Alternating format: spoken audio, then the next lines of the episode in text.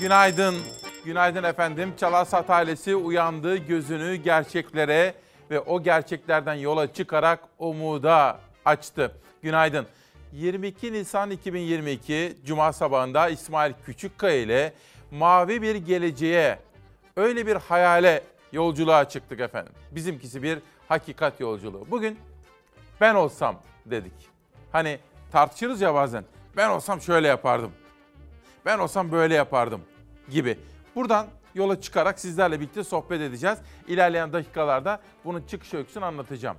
Türkiye'de bugün neler var? Bir, bütün bir hafta boyunca söylediğimiz gibi, hatta bütün bir yıl boyunca tekrar ettiğimiz gibi, Türkiye'de halkımızın en çok konuştuğu konu ekonomi, geçim, bir diğeri mülteciler meselesi. Bu iki konuda meydana gelen gelişmeleri bütün bölüm ve boyutlarıyla, tüm detaylarıyla konuşacağız. Bu esas gündem maddem. Ve dün gündeme gelen CHP lideri Kemal Kılıçdaroğlu'nun tam da 31 Aralık gecesi 2022'ye girerken çok yüksek oranda elektrik ve doğalgaz zamları yapılmıştı ve buna ilişkin Kılıçdaroğlu'nun protestosu söz konusu olmuştu. Ben bu zamlar geri alınana kadar faturamı ödemeyeceğim demişti. Ve onun rakibi AK Parti lideri aynı zamanda Cumhurbaşkanı olan Sayın Erdoğan da demişti ki elektriği kesilir o zaman. Ve dün ana muhalefet partisi liderinin evinin elektriği kesildi. Gece Kılıçdaroğlu neler söyledi? Hangi açıklamalar yapılıyor? Bugün işte bütün detaylarıyla bunları konuşacağız. Şimdi ilk gazetemizin manşetini bir okuyalım. Oradan haber yolculuğumuz başlasın. Herkese günaydın ve can sağlığı dileklerinde bulunarak haber yolculuğumuzu, manşet yolculuğumuzu başlatıyorum. Buyurun. CHP lideri Kılıçdaroğlu'nun elektriğini kestiler. Zam karanlığı. Kılıçdaroğlu elektriğe yapılan fahiş zammın halkı nasıl mağdur ettiğini göstermek için 1030 liralık faturasını 3 ay ödemedi. Başkent Elektrik dün evinin elektriğini kesti. Kılıçdaroğlu evinden videoyla halka seslendi. Dünyada haber oldu. Sabah ekip arkadaşlarımla bu konudaki hazırlıkları yaparken bir taraftan dünya ajanslarına da baktık. Gerçekten de sadece Türkiye'de değil, uluslararası ajanslarda da ana muhalefet partisi liderinin evinin elektriğinin kesilmesi haber oldu. Yani gündem oldu. Eşimden az önce bir haber geldi. Bugün elektriğimizi kesmişler. Elektrik zamlarının geri çekilmesi için elektrik faturalarını ödememe kararı almıştı CHP lideri. Şubat ayından bu yana da elektrik faturalarını ödemedi. Borcundan dolayı CHP liderinin elektrikleri kesildi. CHP lideri elektriksiz kaldıkları haberini eşinden aldı. Türkiye 1 Ocak'ta %27'lik elektrik zammıyla karşılaşınca ve Kılıçdaroğlu da zamlar geri çekilene kadar ben de ödemeyeceğim resti çekince 3 aylık ödenmeyen faturası oluştu. Borcu 1000 lirayı aştı. Yasal bekleme süresi de dolunca Kılıçdaroğlu'nun evinin elektriği kesildi. Sayacı mühürlendi. Ödemedim. Ödeyemeyenlerin sesi olmak istedim. Halil İbrahim sofrasına ben de oturmak istedim. Saat 11 gibi kesin. İdare edeceğiz önemli değil. Kılıçdaroğlu milletimin sesi olmak istedim derken eşi Selvi Kılıçdaroğlu da önemli değil demekle yetindi kesinti için. Erdoğan 31 Aralık'ta imzaladığı zamları geri çekinceye kadar bugünden itibaren gelecek hiçbir elektrik faturamı ödemeyeceğim. Ödemezse sonucu bellidir. Elektriği derhal kesilmelidir. Yaptığı bu açıklamasıyla sözden eyleme geçmişti Şubat ayında CHP lideri. Aradan 3 fatura dönemi geçti, borç birikti. Ekipler dün sabah Kılıçdaroğlu'nun evindeydi. Kontroller yapıldı, elektrik kesildi. Kılıçdaroğlu ailesi elektriksiz kaldı.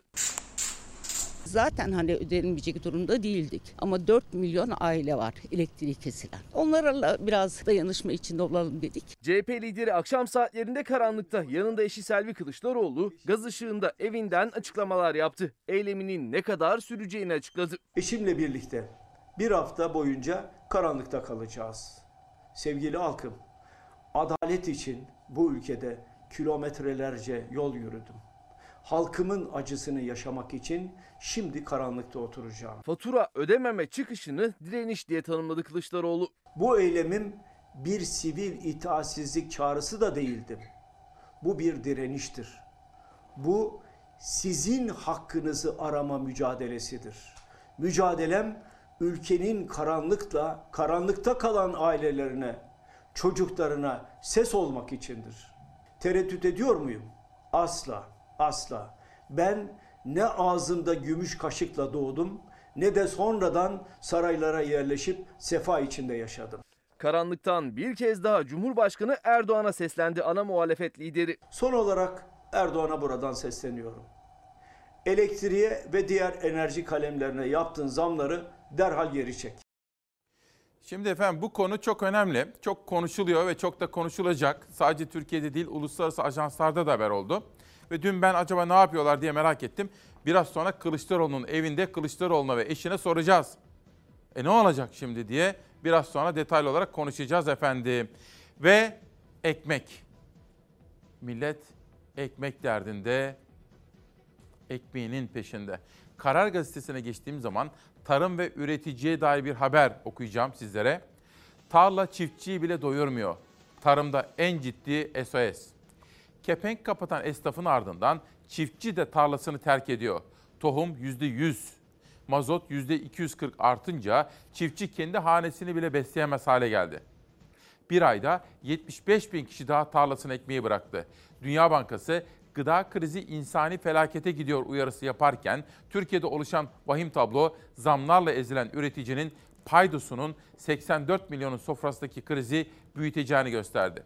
Biraz sonra Türkiye'de kaç çiftçinin artık çiftçilik yapmaz hale geldiğini, kaç köylünün topraktan koptuğunu gözler önüne sereceğiz de birilerini uyandırmaya çalışacağız. Ve yıl 2022. Gaziantep'te şimdi izleyeceğiniz görüntü bizleri uyandırmalı.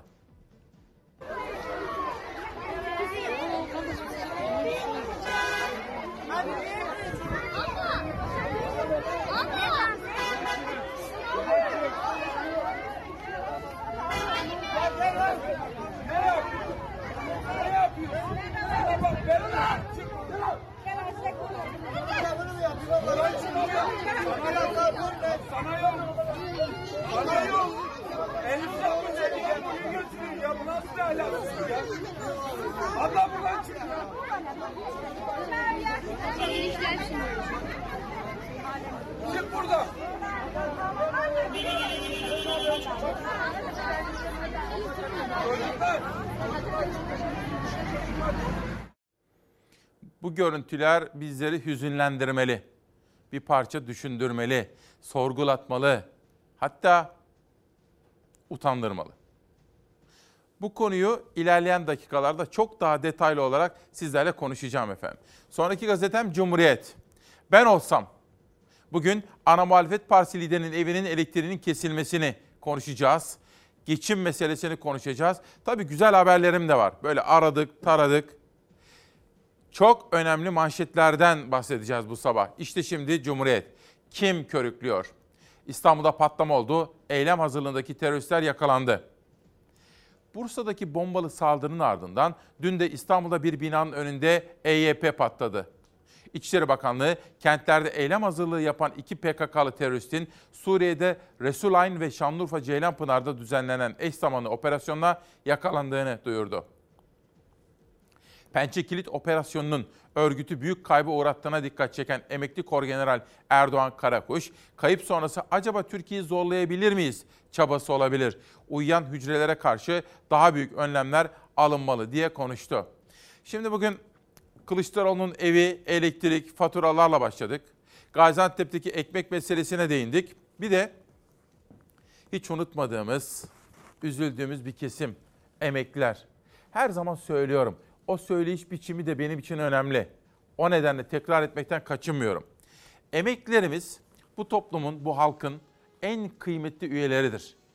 Onlar artık böyle 70'li yaşlarına geldiler, 80'li yaşlarında hatta daha ileri. Allah uzun ve sağlıklı ömürler versin her birine. Her toplum, her vefalı, düşünceli toplum ömürlerinin en güzel bağrına gelmiş kıymetlilerini onlara iyi bakarak ödüllendirmelidir efendim. Onlara kendilerini iyi hissettirmelidir. Yaklaşan bayramlarda ve her zaman önce emekliler diyebilmelidir bir toplum.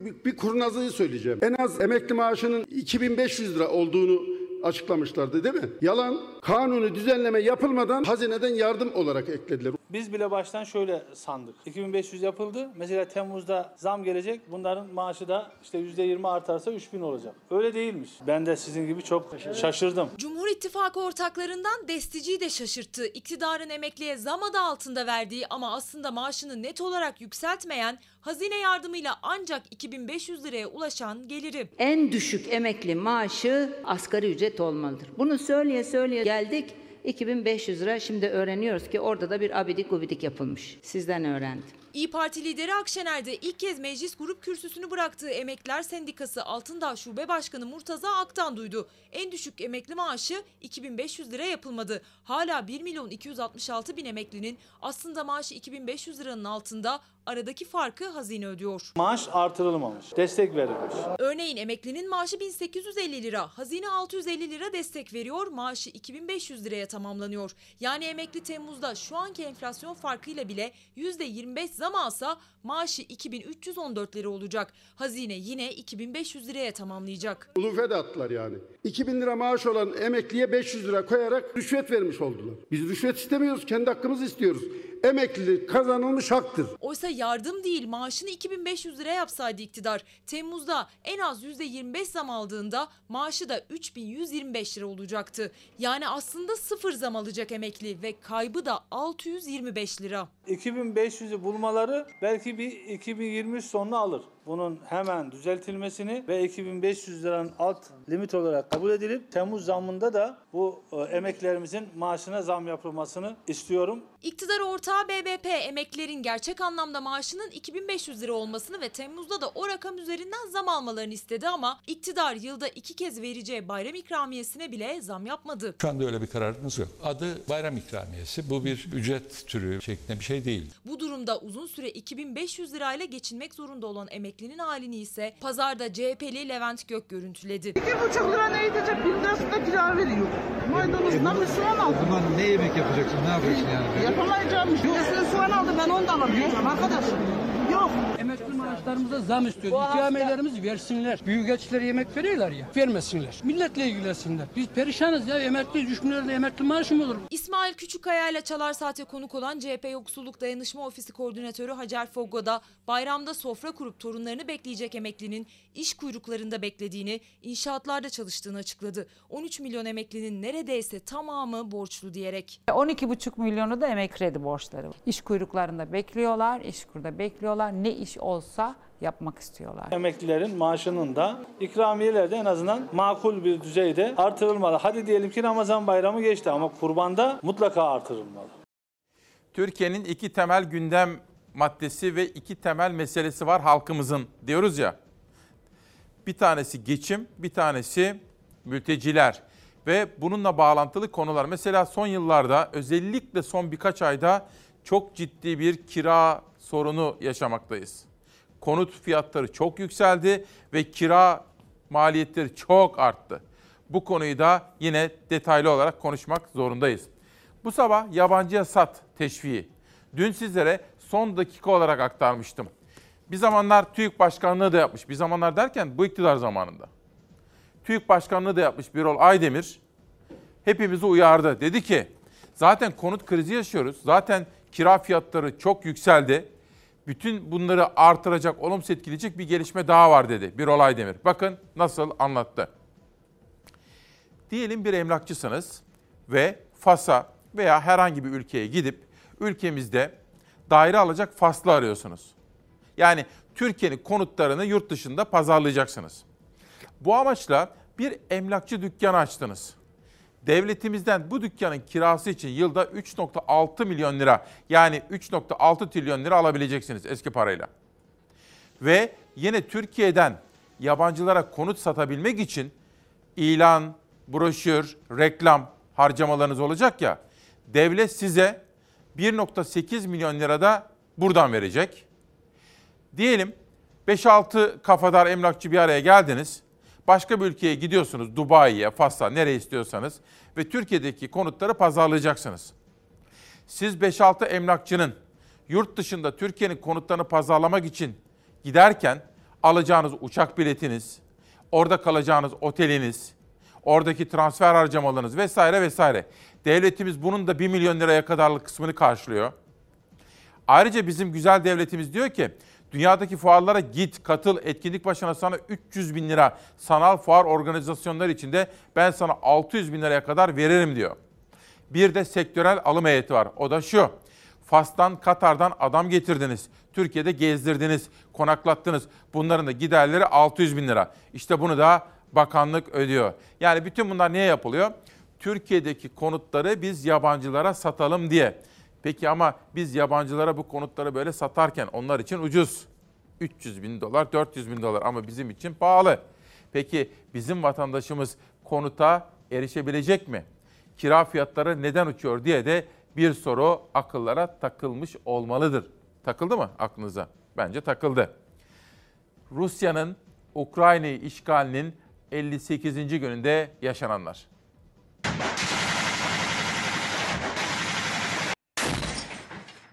Rusya savaştaki ilk büyük kazanımını elde etti. Liman kenti Mariupol'ü ele geçirdi. Ukrayna'nın Azak Denizi ile bağını kesti. Ukrayna lideri Zelenski 500 bin Ukraynalı'nın Rusya tarafından zorla ülkeden çıkarıldığını iddia etti. Biden Kiev'e yeni askeri yardım paketine onay verdi. Rus bayraklı gemilere Amerika limanlarını kapattı. Rusya karşı hamle olarak Amerika ve Kanadalı 90 kişiye yaptırım kararı aldı. Rusya-Ukrayna savaşında 58. güne girildi. Dün Rus Savunma Bakanı Şoygu Rusya Devlet Başkanı Putin'in karşısına çıktı. Ukrayna'da hayal kırıklığı yaşayan Rus liderin yüzünü güldüren haberi verdi. Mariupol düştü dedi. Rusya için stratejik öneme sahip kentte 2000'den fazla Ukraynalı asker çelik fabrikasında sıkıştı. Putin fabrikaya saldırılmamasını istedi. Kuşatmanın sürmesi emrini verdi. Buraya sinek bile girmesin dedi. Mariupol konusunda Ukrayna'dan açıklama geldi. Devlet Başkanı Zelenski sivil ve askerlerin takas edilmesi için Rusya'dan yanıt beklediklerini belirtti. Kentin düşmediğini, bir kısmının hala kontrollerinde olduğunu savundu. Amerika Başkanı Biden da benzer konuştu. Mariupol'ün düştüğüne dair kanıt olmadığını söyledi. Kentten çıkış yolları kapanmışken şehirde kalan son siviller de tahliye için beklemeye başladı. Zor şartlar altında tahliyelerin sürdüğü öğrenildi. Birleşmiş Milletler'e göre her 6 Ukraynalı'dan biri ülke içerisinde yerlerinden oldu. Sadece Mariupol'de de değil, Harkov'da da siviller zor şartlar altında yaşıyor. Dün akşam saatlerinde Rus ordusu Harkov'a bombardıman düzenledi. Sivillerin o bombalardan kaçışı da güvenlik kameralarına yansıdı. Amerika Birleşik Devletleri ise Ukrayna'ya dev yardım paketi açıkladı. Biden Kiev'e 800 milyon dolar askeri, 500 milyon dolar da ekonomik destek verileceğini duyurdu. Pentagon askeri destek kapsamında Ukrayna'ya ağır silahlar, mühimmat ve insansız hava araçları gönderecek. Rusya 58 gündür süren işgali bitirme şartını bir kez daha açıkladı. NATO'nun Ukrayna topraklarından Rusya'yı tehdit etmeyi bırakması gerektiğini vurguladı. Moskova, Amerika Birleşik Devletleri ve Kanada'ya karşı da bir hamle yaptı. Amerika Başkan Yardımcısı Kamala Harris ve iş insanı Mark Zuckerberg'in de aralarında olduğu 90 kişiye yaptırım kararı aldı. 22 Nisan 2022 Cuma sabahında İsmail Küçükkaya ile Hakikat Yolculuğunda manşetlerimiz devam ediyor. Oksijen. Gençlerin yarısı gitmek istiyor. Bekir Ağırdar'ın analizi. Bu topraklar göçe alışıktır ama bu kez farklı bir tabloyla karşı karşıyayız. İmkanı olsa yurt dışında yaşamayı seçeceğini söyleyen gençlerin oranı %48'e yükselirken yalnız umudu değil çok değerli bir sosyal sermayeyi de kaybediyoruz. Yurt dışına gitmeye sıcak bakanların oranı Mart 2010'da %24 iken Kasım 2020'de yani 10 yıl sonra %35'e yükselmiş. Gençlerde ise %28'den %48'e yani gençlerin yarısı yurt dışına gitmek istiyor. Bilge Yılmaz hocamız pazartesi sabahı ne demişti efendim? Burada anlatırken yazık bu çocuklara. Bu çocuklar ne yapsın demişti. Ve hatta etkilenmişti, duygulanmıştı. Bütün haftanın en çok dikkat çeken sesiydi, sessizliğiydi o. Neden? Çocuklarımızı bu ülkede neden tutamıyoruz? Ha yanlış anlaşılmasın. Çocuklarımızın eğitim için, bilimsel çalışmalar için yurt dışına gitmesi son derece iyi. Fakat gidip de dönmemek üzere değil. Gideceğim, bilim öğreneceğim, ülkeme dönüp halkıma faydalı işler yapacağım. İşte Bilge Yılmaz Hoca kendisi böyle olduğu için onlar böyle bir nesilden geldikleri için şimdiki giden çocukların acısını yüreklerinde hissediyorlar. Onun için gözyaşları döküldü. Bekir Ağırdır'ın bu analizi son derece önemli. Bugün ulusal gazetelerin arasına bu kuşakta Mersin, bir sonraki kuşakta Bursa gazetesini seçtim. Neden? Anlatacağım. Tanık. Vahap Seçer Mersin'de belediye başkanı, Millet İttifakı'nın, CHP'nin başkanı. Aynı zamanda AK Parti lideri olan Cumhurbaşkanı'nı ziyaret etti, görüştüler. Başkan Seçer metro için Cumhurbaşkanı Erdoğan'la görüştü. Her şey Mersin için. Mersin Büyükşehir Belediye Başkanı Vahap Seçer metro projesi için Cumhurbaşkanı Erdoğan ile görüşerek metro yapımı için destek istedi. Her şey Mersin için dedi. Sosyal medyada şöyle bir baktım eleştirenler de var, destekleyenler de var. Efendim bunda bir beis yok. Bir belediye başkanı kentine hizmet etmek için ülkenin cumhurbaşkanına gider, ona derdini anlatır, beklentilerinde onunla konuşur. Son derece medenice yapılmış bir ziyarettir. İş ki Cumhurbaşkanı da o belediye başkanının yani o kentin halkının beklentilerine yardımcı olsun, hizmet götürülmesi noktasında diyorum.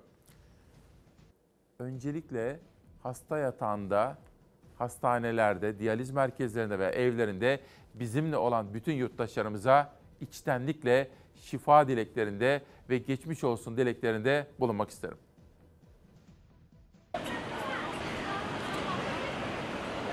Pandemi büyük ölçüde önemini yitirdi. Toplumsal bir tehdit olmaktan çıktı gibi görünüyor.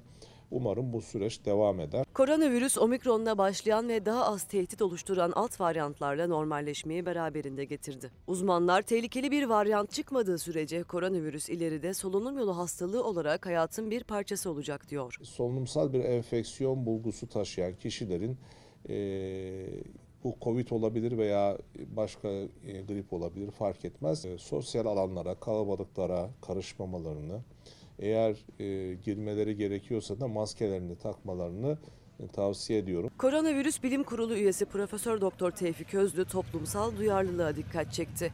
Bulaşıcı bir hastalık sırasında maske takmak pandemiden aldığımız bir ders olsun dedi. Uzak Doğu ülkelerinden örnek verdi. Uzak Doğu ülkelerinde bu pandemiden önce de bu davranış modeli vardı. Bundan sonra bizde de devam etse iyi olur diye düşünüyorum. Çünkü sonuç itibarıyla ağır hastalığa neden olmasa bile bu tür e, bulaş bir kişinin hayatında 3-5 günün çalınmasına neden oluyor. Sizden bir başkasına geçiyor. Okuluna gidemiyor, işine gidemiyor, işte hastalanıyor, rahatsız oluyor, hayat kalitesi bozuluyor. Ondan ona, ondan ona yayılıyor. Çin'in ticaretin merkezi en kalabalık şehri Şangay'da karantina devam ediyor. Aslında sebep kontrolden çıkan vaka durumu değil. Uygulamanın nedeni Çin'in sıfır vaka politikası.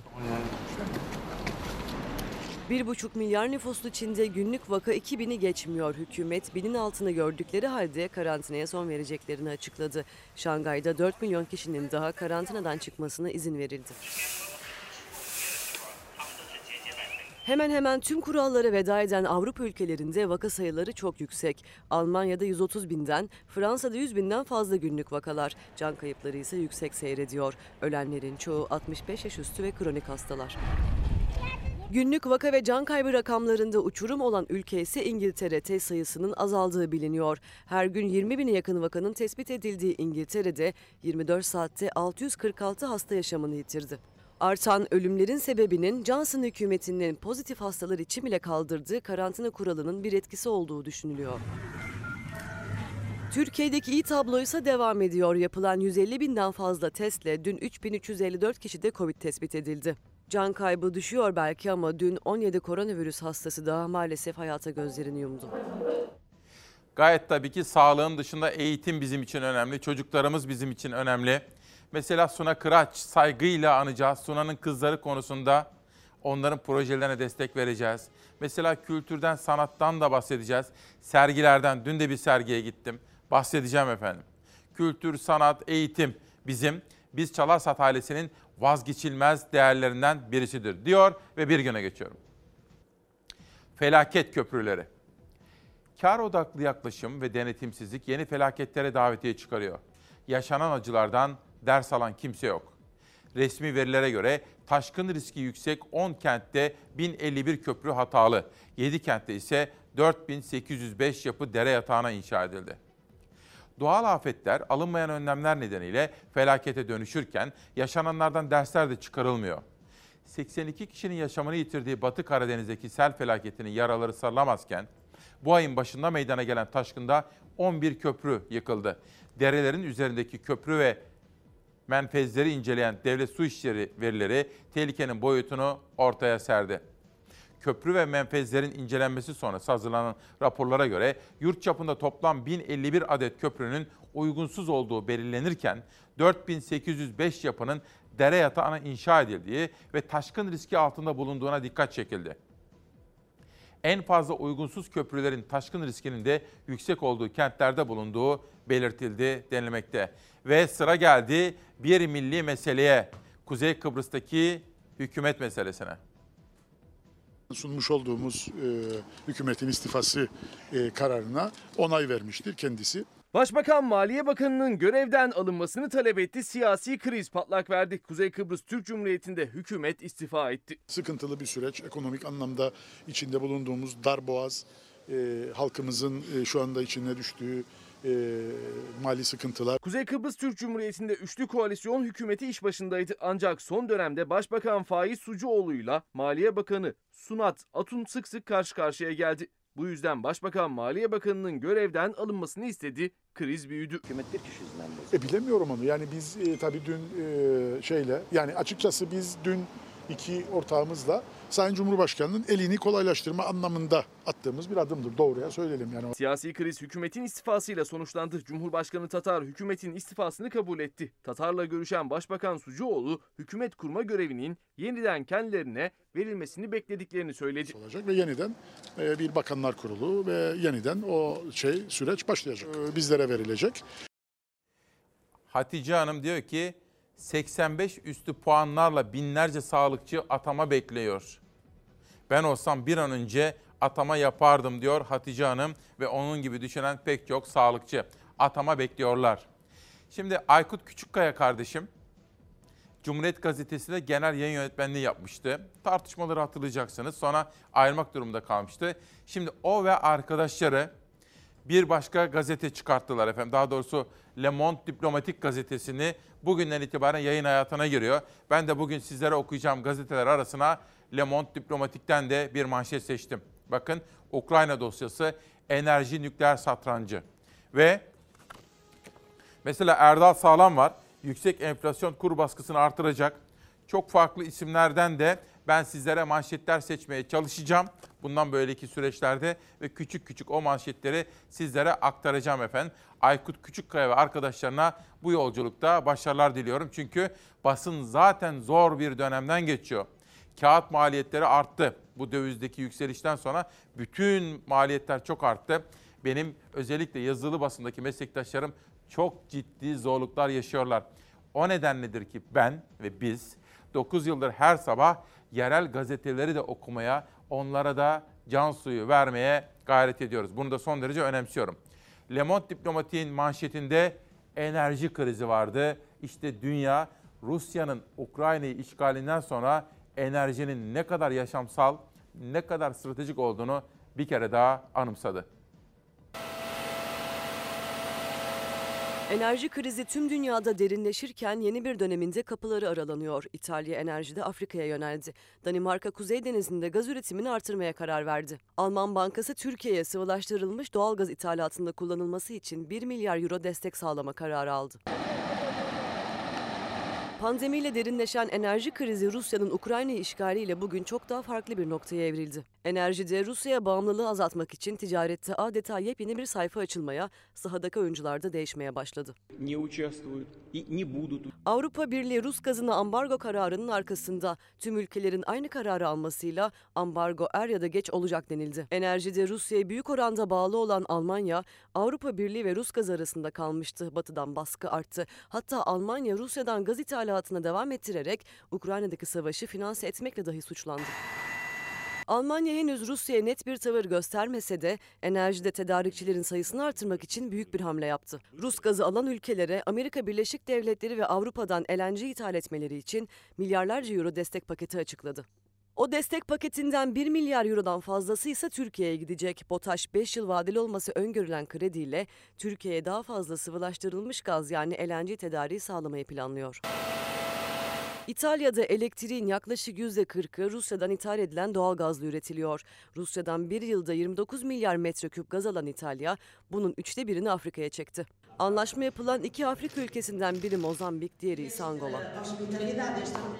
Danimarka'da ise çözüm üretimi artırmakta bulundu. Kuzey Denizi'nde üretilen doğalgaz miktarının artacağı açıklandı. Yeşil enerji üretimine geçerek 2050'de gaz üretimini tamamen durdurma kararı almıştı Danimarka. Hükümet artış kararını gazı Rusya'dan almaktansa üretimimizi artırırız diyerek savundu. Enerji son derece stratejik bir önem taşımakta. Kübra Hanım da diyor ki, atanamayan sağlıkçılardan yalnızca birisiyim. Benim gibi yüksek puanlar almasına rağmen hala bekleyen, bekletilen binlerce mağdur arkadaşım var. Kamuoyunda adeta sağlıkçıların kolay atandığına gibi bir algı var. Yanlış. Biz 85-90 puanlarla işsiziz. Sizlerden ricamız sesimizi duyurmanızdır. Sizin dışınızda bizim sesimizi kim duyurabilir? Bizim mağduriyetimiz ciddidir. Sağlık camiasına yeni bir atama daha yapılmalıdır. Hem sahanın yükü hafifletilmeli hem de binlerce gence istihdam sağlanmalıdır diyor Kübra Hanım ve arkadaşları yolladıkları mesajda. Çanakkale'ye gideceğiz şimdi. Bir köprü, yeni yapılan bir köprü. Ve bugüne kadar kullanılan diğer feribotlu, ne diyorlar onlara? Arabalı feribot ve fiyat politikası. Haberi izleyelim, beraber tartışalım. Geçişler 200 liracık. 1915 Çanakkale Köprüsü'nden otomobil geçiş ücreti 200 lira, hemen yanındaki Gelibolu Lapseki feribotundan otomobil geçiş ücreti 95 lira idi. %48 zam geldi geçişlere. Feribotla kıta değiştirmek isteyen otomobil sahiplerinin ödemesi gereken ücret 135 liraya çıktı. Günlük 45 bin araç geçiş garantisi verildi 1915 Çanakkale Köprüsü'nden. Ancak geçiş sayısı verilen garantinin çok altında kaldı. Bizzat Ulaştırma Bakanı açıkladı o sayıyı. 6 bin araç geçti. Köprüden geçişler sürüyor ancak yarı yarıya daha uygun olan feribota ilgi hala yoğundu Çanakkale'de. Çünkü köprü geçişi 200 lira, feribot geçiş ücreti 95 liraydı. O geçiş ücreti %42 zamlandı, 135 liraya çıktı. Sadece otomobil geçiş ücretleri değil diğer geçiş ücretleri de zamlandı feribot hattında. Gelibolu Lapseki feribot hattında kamyon geçiş ücreti 136 liradan 295 liraya, tır geçiş ücreti ise 265 liradan 400 liraya yükseldi. Bu da takip listemizdeki gelişmelerden birisi. Güldestan Hanım da iyi ki kültürden, sanattan bahsediyorsunuz diyor. Dün işte gittiğim sergide de İnce Aksoy da bunu söyledi. Bu zor zamanlarda kültür, sanat haberleri veriyorsunuz ki soluklanabiliriz, soluklanabiliyoruz demişti. Bahsedeceğim efendim. Aydın hedef fiyatları yükseltir. Aydın İnşaatçılar ve Emlakçılar Odası Başkanı Alaaddin Durmaz. Emlakçılara gayrimenkulleri yurt dışında pazarlayıp satmaları için verilecek destekle ilgili konuşan Aydın İnşaatçılar ve Emlakçılar Odası Başkanı Alaaddin Durmaz, önce Türk halkının ev sahibi olmasını sağlamamız lazım diyerek ev fiyatlarının daha da yükselebileceğine dikkat çekti. Gerçekten de bu konudaki düzenlemenin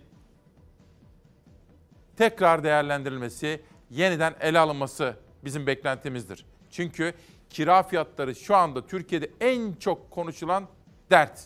Bunu görüyorum. Bir sonraki gazetemiz Vatan Hatay İskenderun hattındayız. Ve sür manşeti bir bakın. Şehitlerimize minnettarız. Hatay'da şehit ve gazi aileleri onore ediliyor. Sağ olsunlar. Bu Linda Akyüz'ün haberi. Hemen altında yarın bayramımız, meclisimizin açılmasının yıl dönümü, egemenliğimiz çocuklarla daha anlamlı.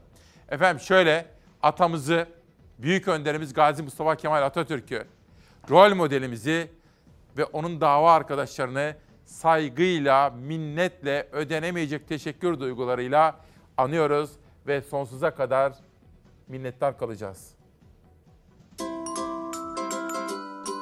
23 Nisan Ulusal Egemenlik ve Çocuk Bayramı daha gelmeden neşesi geldi. Çam Sakura Fizik Tedavi Hastanesi'nin duvarları çocukların renkli dünyasına aynı oldu. TÜRSAK Vakfı da Uluslararası Çocuk Filmleri Festivali kapsamında düzenlediği örnek projeyle çocukları Türkiye'nin başarılı yönetmenleriyle buluşturdu.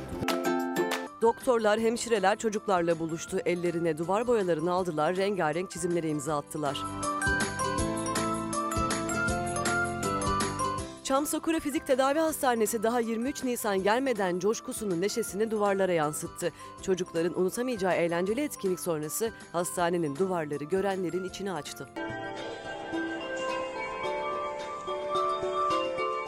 İstanbul Büyükşehir Belediyesi'nin mahalle evleri kültür ve sanat alanında fark yaratmayı sürdürürken TÜRSAK Vakfı İBB'nin mahalle evlerinde çocukları unutulmaz deneyimler yaşatan atölyeler düzenledi. Bugün e, Örnektepe Mahalle Evi'nde çocuk filmleri kapsamında e, çocuklarla beraber bir yönetmenlik atölyesi gerçekleştirdik. Çocukların yüzlerindeki tebessümün adresi Örnektepe Mahallesi. Ünlü yönetmen ve film yapımcısı Murat Şeker çocuklarla buluştu. Açıkçası benim için de büyük bir deneyim oldu çünkü e, biz genelde profesyonel oyuncularla veya çoğunlukla da üniversitelerde e, söyleşiler yapıyoruz. Bugün ilk defa daha küçük yaş grubunda çocuklarla e, onların anlayacağı dilde ve onlarla beraber bir şeyler konuştuk, sohbet ettik. TÜRSAK Vakfı 18.sini düzenlediği Uluslararası Çocuk Filmleri Festivali kapsamında bu yıl 9 farklı atölye ile toplam 1000 çocuğu kültür sanatın sinemanın önde gelen isimleriyle buluşturdu. Çocukların hayatında sanatın etki etmesini sağlayarak geleceklerine ışık tuttu.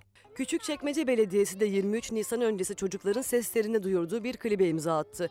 Çocuklara bırakılacak güzel bir geleceğin onların en büyük hakkı olduğu miniklerin sesleriyle vurgulandı. 23 Nisan Mert Ankara'dan bir çocuğumuzun fotoğrafı geldi. Onu da biraz sonra sizlere göstereceğim. Bugünkü etiketimiz sormuş Ali Osman Bey. Efendim şöyle, dün gündem çalışmamızı yaptık. Sabah da ekip arkadaşlarımla konuşurken, e arkadaşlar dedim gündem geçim, gündem mülteciler, gündem Kılıçdaroğlu'nun evinin elektriğinin kesilmesi. Arkadaşlar baktılar, uluslararası ajanslarda da haber. E dediler Kılıçdaroğlu gündem oldu. Peki etiket, onu konuşalım, bunu yapalım, böyle yapalım. Ben olsam dedim. Ama biraz sonra detaylandırayım. Siz de düşünün. Ben olsam mesela Kılıçdaroğlu'nun yerine ya da ben olsam Erdoğan'ın yerine, iktidarın yerine ne yapardım? Bunu birazcık konuşalım ki Alzheimer olmayalım ileride. Ne diyorlardı? Sabahları zihin jimnastiği yapalım, sohbet edelim böyle değil mi? Bir de biz vefalıyız.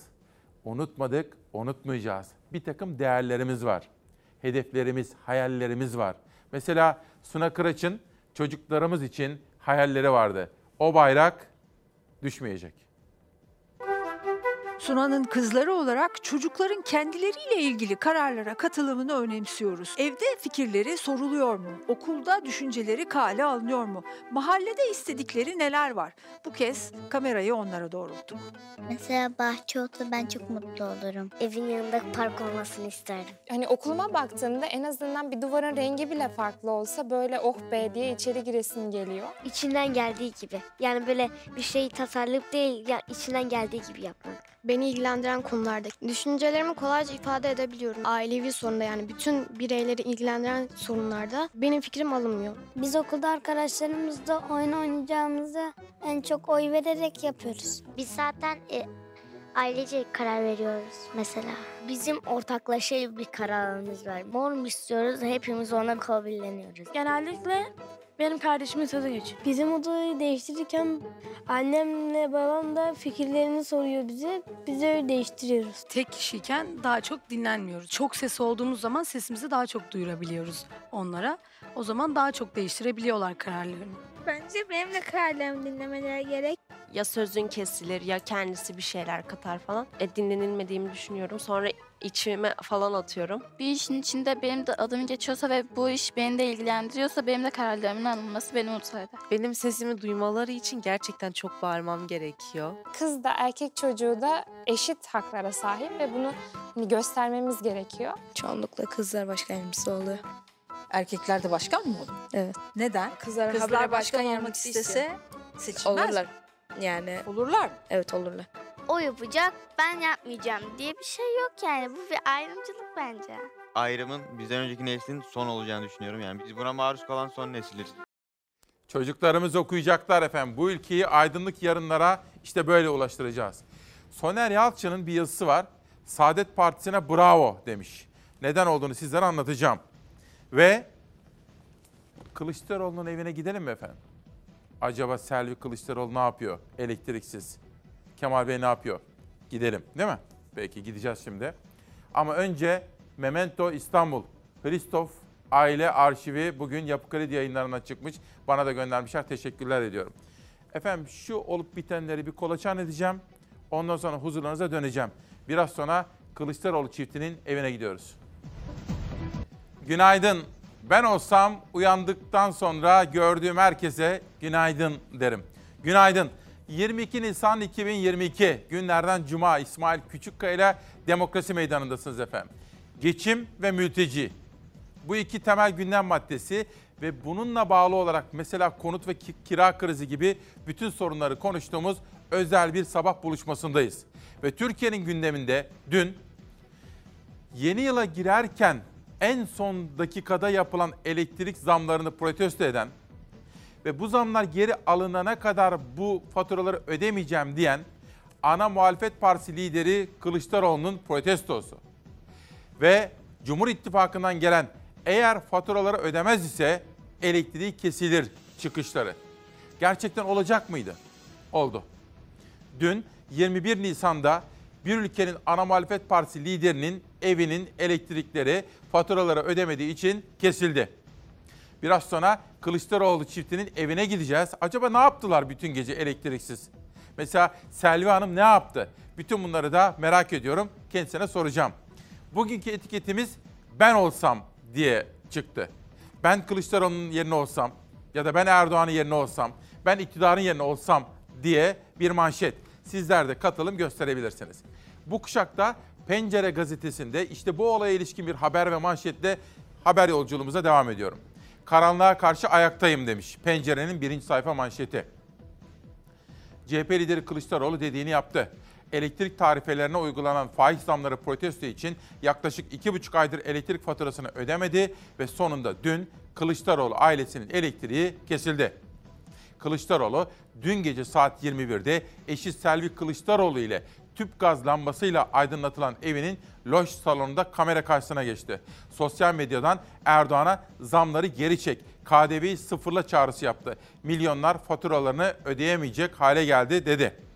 Peki Türkiye'nin şu anda çok konuştuğu bu özel konuda hazırladığımız haberi sizlere sunacağım. Sizlerden de bu konuda yorum, görüş, öneri ve eleştiri bekliyorum. acıyı yaşamak lazım. Hep söylerim bir sorunu çözmek istiyorsanız önce sorunu yaşayanları dinlemeniz lazım diye. İşte elektriği kesilen, Evinin elektriği kesilen Kılıçdaroğlu piknik tüplü gaz ışığında küçük boy bir kandil aydınlattı karanlığı. Kandil ışığında çalıştı. elektriği kesilen 4 milyon insanın sesi olmak gerekiyordu. Bunun için bir farkındalık yapmak gerekiyordu. Ee, bunu yaptık. Elektrik faturalarına gelen %100'ü aşan zam sonrası faturasını ödemeyeceğini açıklamıştı CHP lideri. 3 aydır ödeme yapmayınca dün elektriği kesildi Kılıçdaroğlu'nun evinin. Kemal Kılıçdaroğlu akşam eve geldiğinde karanlıkta evin içi. Piknik tüpüne bağlı gaz ışığında aydınlandılar. Doğalgaz kesik değildi. Çay demlerken bir sorun yaşamadılar. Ama çayı karanlıkta içtiler. Ben e, elektrik parasını ödeyebilirim. Benim gelirim buna zaten e, fazlasıyla yetiyor. Ama sorun geliri olmayan ya da düşük gelirli ailelerin yaşadıkları dram. Asıl sorun o. O sorunu çözmemiz gerekiyor. Evde bir odadan diğerine giderken elinde kandille gitti Kemal ve Selvi Kılıçdaroğlu çifti. Mutfaktan çay alırken de çalışma odasında çalışırken de yanlarında o kandil vardı. Önce evinde açıklama yaptı CHP lideri karanlıkta. Ardından oturduğu apartmanın bahçesinde gazetecilerin sorularını yanıtladı. İyi Parti lideri Akşener'in faturayı ödeme teklifine de yanıt verdi. Bugün bugün Meral Hanım'la konuştum. Tabii dedi ki elektrikler kesilecek ama asıl sıkıntıyı e, Selvi Hanım çekecek diye. E, önemli değil.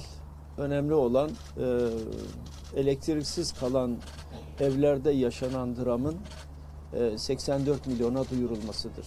Bunun için eğer bir sıkıntı varsa o sıkıntıyı büyük bir keyifle çekeceğiz. CHP lideri 4 milyon hanenin elektriğinin kesik olduğunu söyledi. Onlardan bazılarını ziyaret edeceğini belirtti. Elektriği kesilen bazı aileleri de ayrıca ziyaret edeceğim. E, gerçekten e, ciddi sorunlar var.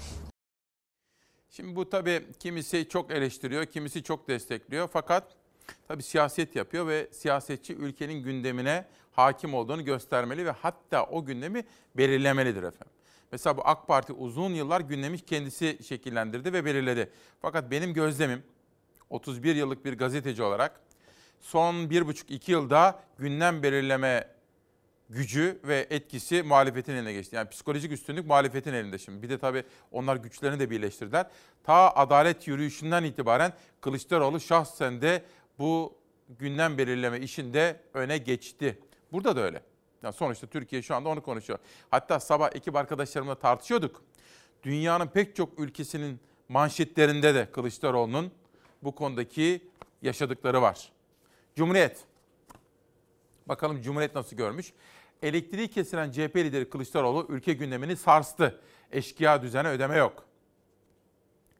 Elektriğe gelen %125 zam geri çekilene kadar fatura ödememe kararı alan CHP lideri Kılıçdaroğlu'nun dün evinin sayaçları mühürlendi.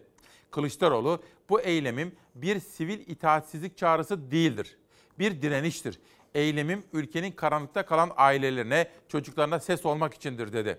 İyi Parti lideri Akşener, Deva Partisi lideri Babacan, Demokrat Parti lideri Uysal, elektrik kesintisi sonrası Kılıçdaroğlu'nu arayıp dayanışma dileklerini iletti. Dünya medyası olayı artan elektrik faturalarını ödemeyi reddeden Erdoğan'ın rakibinin elektriği kesildi şeklinde duyurdu. Bence iktidar hata yaptı. Hani onu da soruyor bana biraz önce Muzaffer Bey sormuş da. Ya ben olsam mesela, şimdi Kılıçdaroğlu bunu niye yaptı? Yılbaşında çok yüklü miktarda zam geldi elektriğe ve doğalgaza. Ve ben bunları ödemeyeceğim dedi. Bu bir hamle. Şimdi bunun karşı tarafında muhalefette değil iktidardaysanız şöyle düşüneceksiniz. Neden bunu yapıyor? Elektrik zamlarını protesto ediyor. Peki bunu gündemde tutmak istiyor. Peki faturaları ödemiyor. Tamam. Onun amacına ulaşmaması için ne yapmanız gerekir? Elektriği kesmeyeceksiniz. Ama Cumhur İttifakı'ndan elektriği kesilir şeklinde çağrılar yükselmişti. Kılıçdaroğlu da bekliyordu. Ve elektriği kesildi. Ben olsam, mesela iktidarın yerine ben olsam ya da bana sorsalar iktidardakiler, efendim derim il başkanınıza talimat verin, gitsin Kılıçdaroğlu'nun elektriğin faturasını ödesin derdim ben olsam.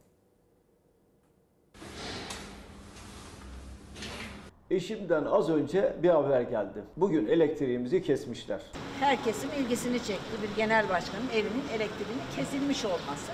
Eşimle birlikte bir hafta boyunca karanlıkta kalacağız. Gelen yüksek zamlara tepki olarak elektrik faturasını ödemeyen CHP liderinin elektriği kesildi. Kılıçdaroğlu ailesi karanlıkta kaldı. Muhalefetten Kılıçdaroğlu'na destek, iktidar kanadındansa tepki vardı. AK Parti'den ilk ses olması gereken oldu diye geldi. Sonuç o olacaktı. Umarım Sayın Kılıçdaroğlu'nun bu tutumunu dikkat çekmek istediği alan bu 3,5 milyon e, e, elektriği kesilmiş hanenin insanların elektriğine dair bir dikkat çeker. Bu açıdan çok e, olumlu değerlendiriyorum bu tutumu. Millet İttifakı ortağı Akşener Kılıçdaroğlu'nun eylemini olumlu buluyorum diye konuştu. Altılı masada birlikte oturduğu liderler de CHP Genel Başkanı'nı arayarak dayanışma dileklerini iletti. Sevgili halkım, hiç kimse merak etmesin. Karanlıkları mutlaka aydınlığa çıkaracağız. 3,5 milyon civarında e, elektrik abonesinin elektriği kesik, kesiliyor.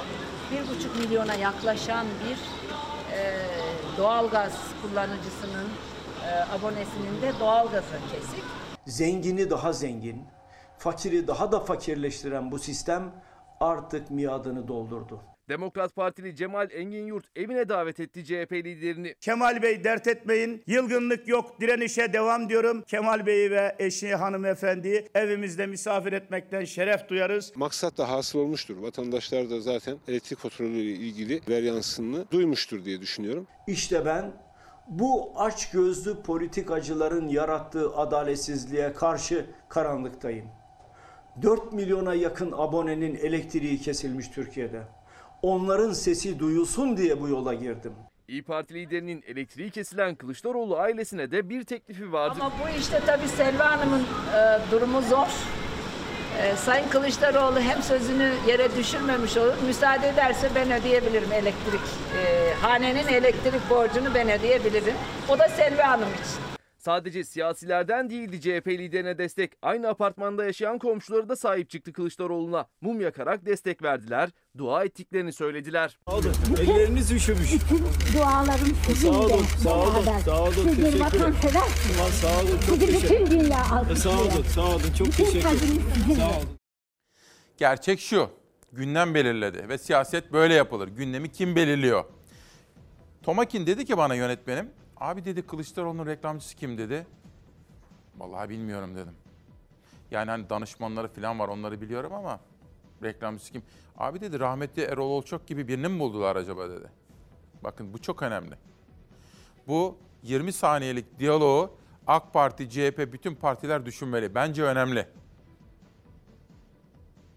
Siyaset ne için yapılır, nasıl yapılır, iktidara gelmek için neler yapmalıdır? Gündem belirlemek. Sözcü bir manşet. İmamoğlu her şey çok güzel olacak dedi, sözcüye konuştu. Özlem Güvenli'nin röportajı. Yetmedi mi İstanbul'a ihanetiniz? Bir yıl sonra seçimde gideceksiniz. İstanbul Belediye Başkanı İmamoğlu, iktidarın engellemeleri yüzünden 3 yıldır neler çektiğini ve projelerini anlattı, siyasi uyarıda bulundu. Şunu söyleyeyim. Özeti, önümüzdeki yıl iktidar değişiyor. İktidar değiştikten sonra şu anda muhalefet gibi görünen belediyelerin, işte kendisinde sayıyor Mansur Yavaş, Vahap Seçer, Zeydan Karalar hepsinden bahsediyor. Bir de o zaman görün bunları.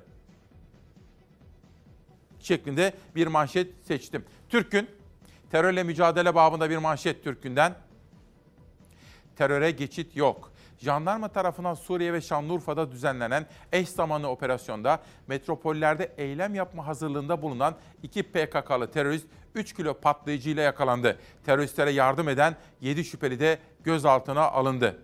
Haberde İçişleri Bakanı Soylu'nun hiç endişe etmeyin devletimiz gereken önlemleri alıyor şeklindeki sözleri de yine birinci sayfada yer almış durumda. Cumhuriyeti okumuştum. Onu geçebiliriz. Bir sonraki gazete Yeni Çağ olacak. Geçtiğimiz günlerde İmamoğlu'nu iftarda ağırlamıştı ya da tam tersi İmamoğlu Yeni Çağ ekibini iftarda ağırlamıştı hatırlamıyorum. Bu defa yine Yeni Çağ ekibiyle bir iftar var. Konuk Akşener.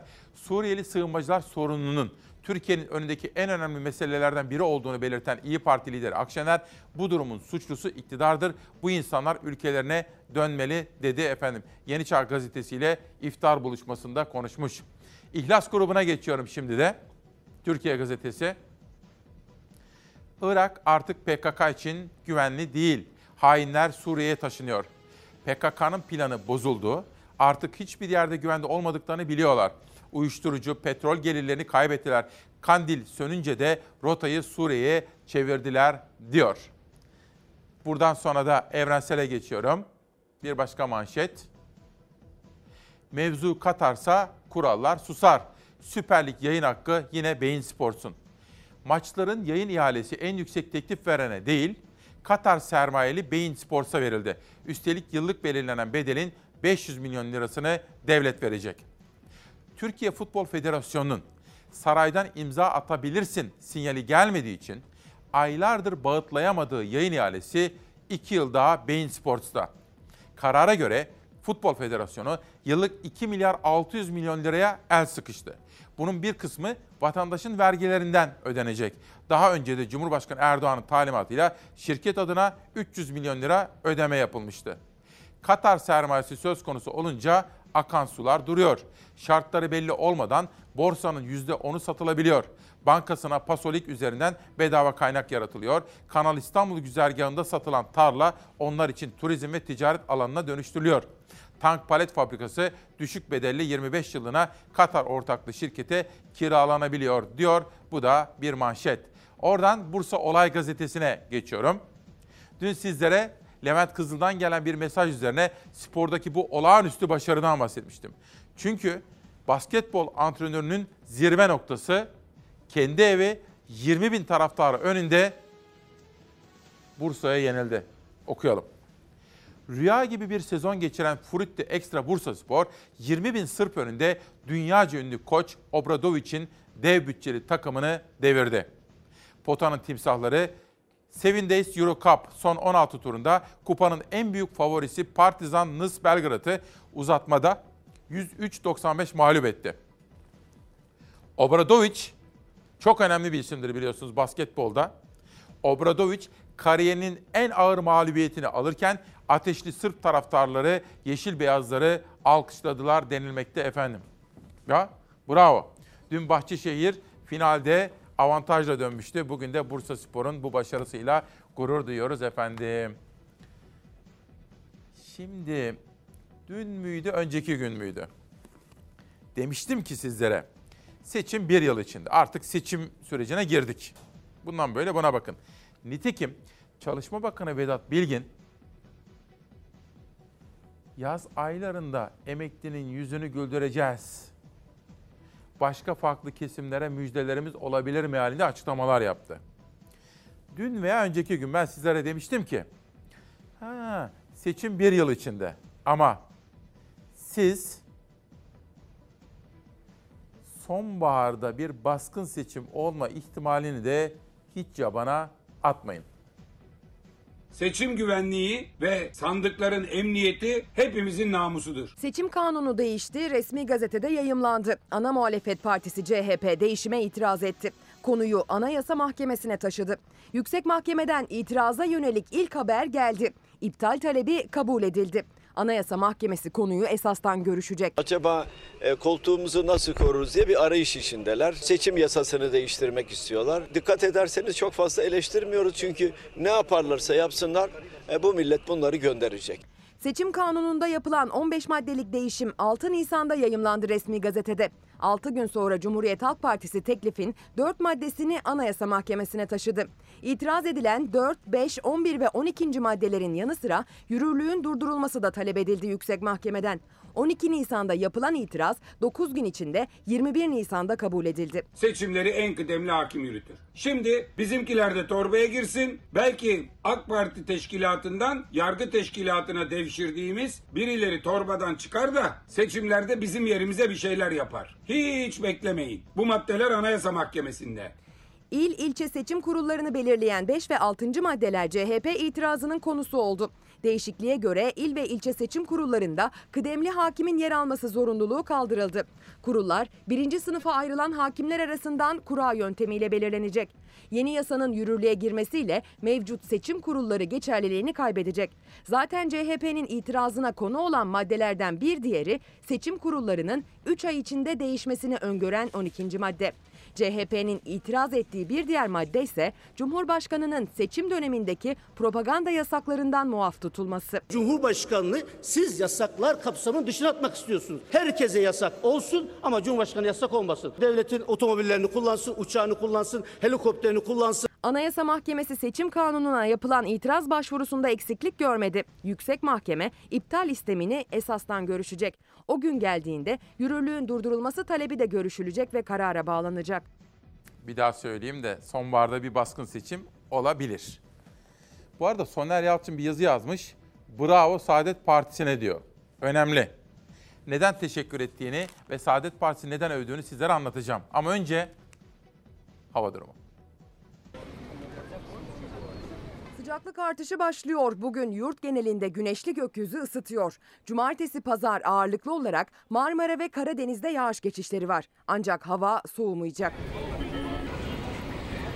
Bugün yurt genelinde yağış beklentisi yok. Sıcaklıklar yükselme trendine başladı. Bugün itibariyle yurdun batı ve iç kesimlerinde hava ısınacak. Özellikle gün ortasında sıcaklıklar bahar geldi dedirtecek. Ancak sabah erken saatlerle akşam saatlerinde hava serinliyor, tedbirli olunmalı. Gölgede ve güneşin görünür olmadığı saatlerde sıcaklıklar birden düşüyor. Sabah ve akşam saatlerinde üşümemek için tercih edilen kıyafetler öğle saatlerinde terletebilir bugünlerde. Öte yandan bugün özellikle gün başlarken sürerken Marmara bölgesinde sis ve pus ihtimali var. Güneş ısıttıkça sis ve pus seyrelecek.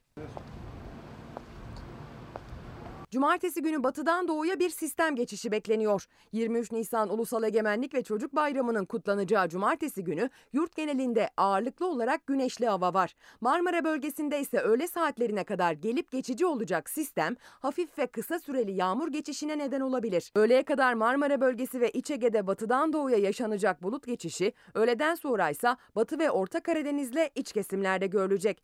Geçiş zaman zaman güneşi perdeleyecek. Güneş perdelendiği zaman diliminde serinlik hissedilse de cumadan cumartesiye beklenen sıcaklıkların artması. Bugünden yarına termometreler yaklaşık 3-4 derece birden artacak. Pazar günü yağış beklentisi yine oldukça düşük. Sıcaklıklarda önemli değişimler beklenmiyor cumartesiden pazara. Orta Karadeniz'le yurdun doğusunda bulut geçişleri var ama yağış bırakma ihtimalleri hiç yüksek değil. Pazar günü de yurt genelinde bol güneşli ve ılık geçecek genel olarak. Ancak bugünlerde günden geceye hava hızla soğuyor. Gecenin soğuk etkisi sabah erken saatlerde de devam ediyor. Akşam güneş battığında hava birden serinliyor. Güneş henüz yeryüzünü yeterince ısıtmamışken güneşin görülmediği saatlerde hava üşütebilir. Uygun giyinmek önemli. Günün en düşük ve en yüksek sıcaklıkları arasındaki fark her baharda olduğu gibi bugünlerde de yüksek seyredecek. Sırada Gaziantep'ten yurdumun yoksulluğunun fotoğrafı var, halkımın görüntüsü var. Fakat orada bir takım nüanslara dikkat etmek istiyorum. Çünkü sosyal medyada farklı yansımış. Çünkü bir isim burada ekmek dağıtılıyor, ekmek izdihamı diye yazınca, ismi lazım değil bir isim, her yer öyle almış. Fakat biraz daha dikkatli bakınca yine yoksulluğun fotoğrafı, yine bir izdiham fakat mesele ekmek değil, mesele neydi? Onu da anlatacağım sizlere.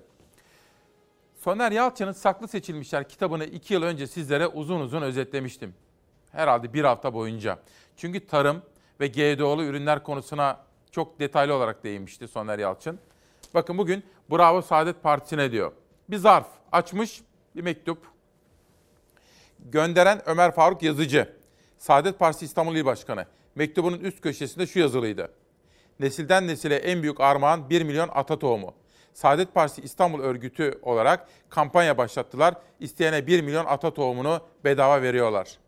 Bu da günün en dikkate değer yazılarından birisiydi efendim. Sıradaki görüntü bir izdam ama iddia edildiği gibi ekmek değil, meşrubat için.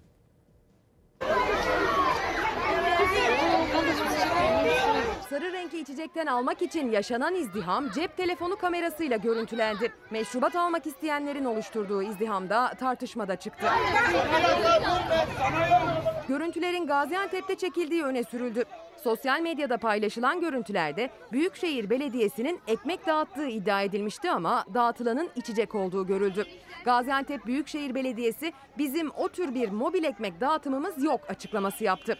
Vatandaşların meşrubat almak için birbirini ittiği anlarda dağıtan kişinin çoğunluğu kadın kalabalıktan bir kişiyi azarlaması dikkat çekti.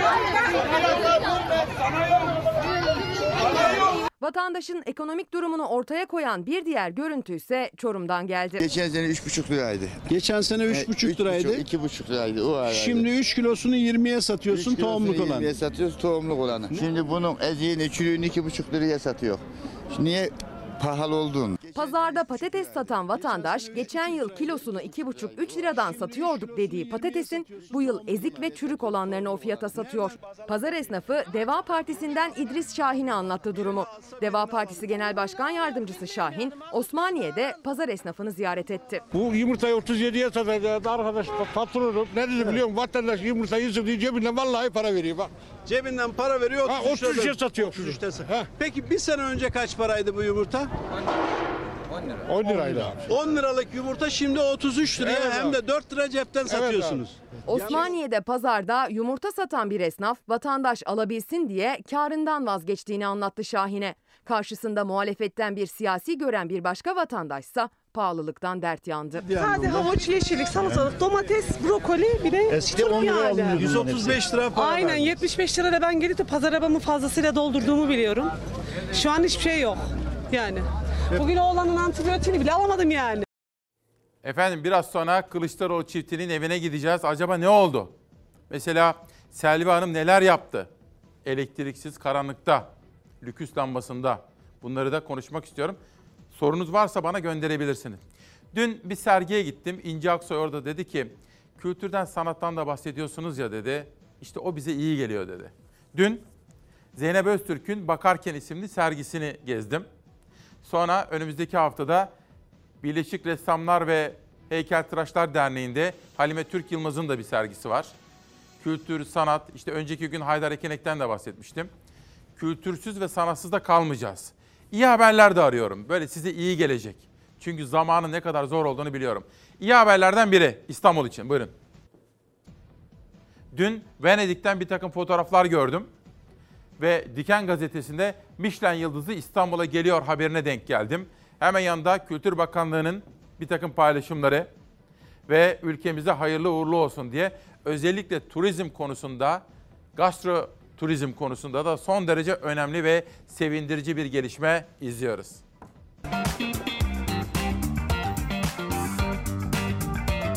Bugün sizlerle geleneksel tatlarla dünya lezzetlerini aynı anda sunan İstanbul'un aldığı önemli bir nişane vesilesiyle bir aradayız. İstanbul'un turizm gelirlerini artıracak, marka değerini yükseltecek adımı bu sözlerle duyurdu Kültür ve Turizm Bakanı. İstanbul, geçmişi 1900'lü yıllara uzanan, dünyanın en üst yeme içme standartlarına sahip restoranları bünyesinde barınan Michelin Guide'a yani Michelin rehberine katılmış durumda. Gastroturizm denince dünyada akla ilk gelen rehberlerden Michelin rehberi. Türkiye'de bugüne kadar bu rehberde yer alan işletme yoktu. Ancak Ekim ayı itibariyle İstanbul öncülüğünde o rehbere giriliyor. Yeme içme sektörümüz Michelin rehberinden aldığı bu destekle şüphesiz global gastronomi turizm hareketliliğinden hak ettiği payı alacak ve İstanbul marka değerini sağlamlaştırarak dünya gastro stili- gastro stilleri arasında önemini arttıracaktır. Kültür ve Turizm Bakanı Ersoy İstanbul'un marka değeri sağlamlaşacak dedi. Michelin rehberi özgünlüğü,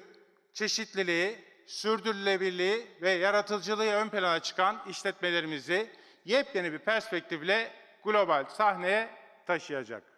Sistemin nasıl işleyeceğini de anlattı bakan. Tamamen bağımsız ve gizli Michelin denetçileri tarafından takip edilen kapsamlı süreç sonunda rehberde yer alacak işlet- işletmelerimiz ve diğer ayrıntılar yine Michelin tarafından 11 Ekim'de düzenlenecek törenle açıklanacak. Kültür ve Turizm Bakanı'nın bir de temennisi vardı. İstanbul'un ardından kendine özgü mutfağı ve özgün işletmeleriyle İzmir, Bodrum ve Çeşme'nin de Michelin rehberi içerisinde alınacağına yürekten inanıyorum. Emeği geçenlere teşekkür ediyorum efendim. Ve Kılıçdaroğlu'na ne soralım efendim evinde? Evet bağlanacağız şimdi. Ne soralım? Bana soruları gönderin. İşte dünkü sergi bakın İnci Aksoy, Ekavart'ta ve Öztürk'ün eserleri. Kendisinden uzun uzun dinledim ama bir sakin bir zamanda onun sanatından da şiirlerinden de bahsedeceğim sizlere. Ama sakin bir zamanda bugün sıra dışı beklenmedik bir yayın oluyor. Güzel eserlerini izledik. Haftaya da Birleşmiş Ressamlar ve Heykeltıraşlar Derneği'nde başka bir sergi. Dün akşam Kezban Hatemi Hocam'ın iftarına katıldım. Orada Hatemi Hocam'dan inanılmaz öyküler dinledim. Bu arada Beyza Hanım kardeşim de dün itibariyle avukatlık stajını da tamamlamış. Ona da hayırlı bir yolculuk diliyorum. Ali abimden de Ali Kemaloğlu'ndan da Çocuklar Bayramı hazır diye bir fotoğraf geldi. O da çocuğumuz bakın Mert Çağlar ve bütün çocuklarımız da bayrama hazırlanıyorlar efendim. Ve Kılıçdaroğlu çiftinin evine gideceğiz ama gitmeden önce şu iki kitabı da tanıtayım. Canan Ruhi, Ahmet Cemal Ruhi, Yargıtay rehberi. Kürt edebiyatında şiir ve halk şarkıları tahlilleri Abdurrahman Gümgüm'den gelen bir çalışma. Efendim müsaade ederseniz bağlantımı kontrol edeceğim. Kılıçdaroğlu çiftine karanlıkta ne yaptıklarını, özellikle Selvi Hanım'a da karanlıkta elektriksiz bir günde neler yaşandığını veya başka soru, görüş, yorum, eleştiri, öneri ne varsa bana yazabilirsiniz. Birebir canlı yayında huzurlarınızda soracağım. Günaydın efendim, günaydın ve hoş geldiniz. 22 Nisan 2022 Cuma sabahında hepinize esenlik dileklerinde bulunuyorum. İsmail Küçükkaya Demokrasi Meydanı'nda sabah 8'den itibaren ekonomiye ilişkin manşetler, konut krizi, kira fiyatlarındaki artış, mülteciler meselesi ve iktidarın bu konudaki tutum değişikliğini konuştuk. Başkaca sürprizlerimiz de vardı. Fakat şimdi dünden itibaren Türkiye'nin ve hatta uluslararası gündemin ana noktalarından birisi oldu. Türkiye Cumhuriyeti'nin ana muhalefet partisi liderinin CHP'nin Genel Başkanı Kemal Kılıçdaroğlu'nun evinin elektriği kesildi. Bu haberi şöyle bir özetleyeyim. Sabah 8'de bunun genel bir özet haberini sizlere sunmuştum. Ne olduğunu bir hatırlayalım. Sonra Kılıçdaroğlu çiftinin evine gideceğiz ve neler yaşandı, neler oldu her birine bakacağız. Kılıçdaroğlu yılbaşında yapılan elektrik zamlarını protesto etmek için faturaları ödemeyeceğim dedi. Ödemedi. Elektriği kesilir dedi Cumhur İttifakı ve Kılıçdaroğlu çiftinin evinin elektriği kesildi. Eşimden az önce bir haber geldi. Bugün elektriğimizi kesmişler. Elektrik zamlarının geri çekilmesi için elektrik faturalarını ödememe kararı almıştı CHP lideri. Şubat ayından bu yana da elektrik faturalarını ödemedi. Borcundan dolayı CHP liderinin elektrikleri kesildi. CHP lideri elektriksiz kaldıkları haberini eşinden aldı. Türkiye 1 Ocak'ta %27'lik elektrik zammıyla karşılaşınca ve Kılıçdaroğlu da zamlar geri çekilene kadar ben de ödemeyeceğim resti çekince 3 aylık ödenmeyen faturası oluştu. Borcu 1000 lirayı aştı. Yasal bekleme süresi de dolunca Kılıçdaroğlu'nun evinin elektriği kesildi. Sayacı mühürlendi. Ödemedim. Ödeyemeyenlerin sesi olmak istedim. Halil İbrahim sofrasına ben de oturmak istedim. Saat 11 gibi kesildi. İdare edeceğiz önemli değil. Kılıçdaroğlu milletimin sesi olmak istedim derken eşi Selvi Kılıçdaroğlu da önemli değil demekle yetindi kesinti için. Erdoğan 31 Aralık'ta imzaladığı zamları geri çekinceye kadar bugünden itibaren gelecek hiçbir elektrik faturamı ödemeyeceğim. Ödemezse sonucu bellidir. Elektriği derhal kesilmelidir.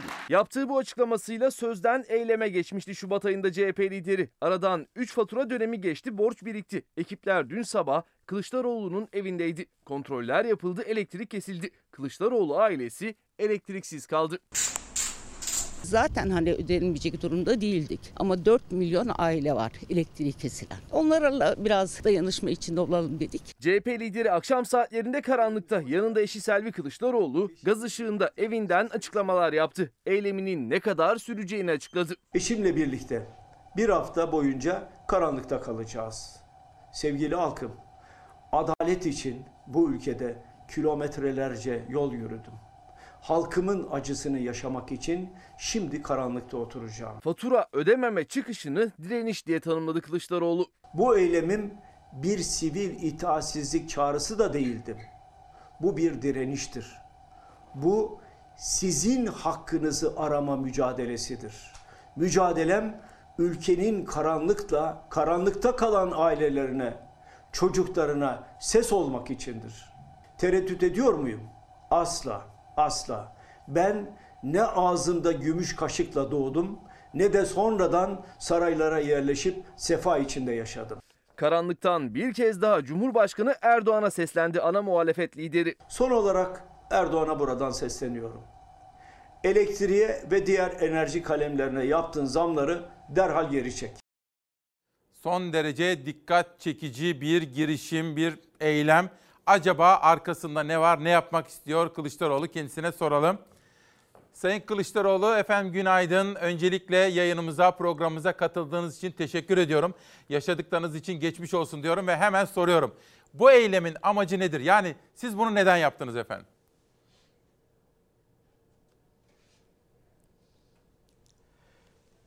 İsmail Bey, az önce siz de e, televizyonda verdiniz.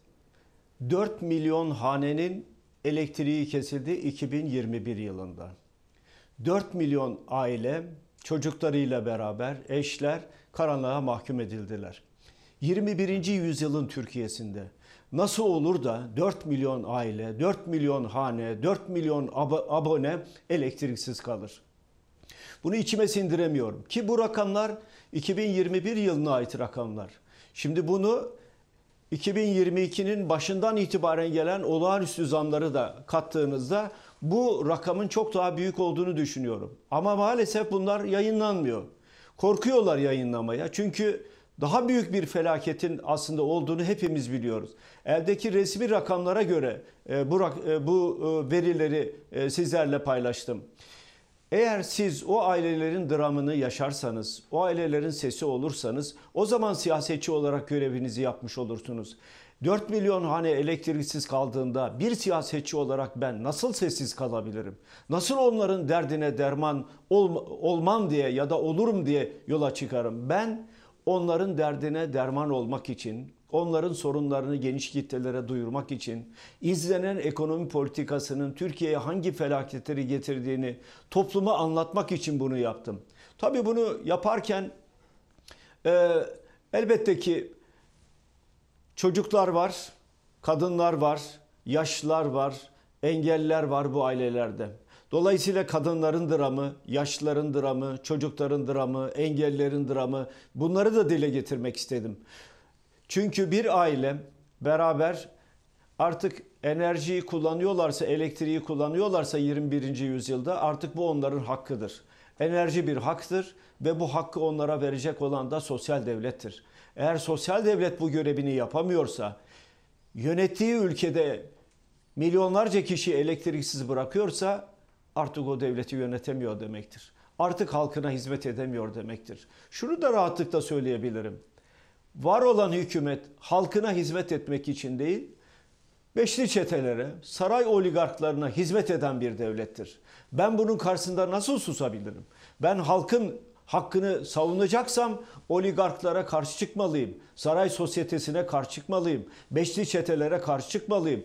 Halktan topluyorsunuz milyarları, milyonları, dolarları, avroları topluyorsunuz, alıyorsunuz, götürüyorsunuz, beşli çeteye veriyorsunuz. Bir avuç kişiye bu paraları tahsis ediyorsunuz.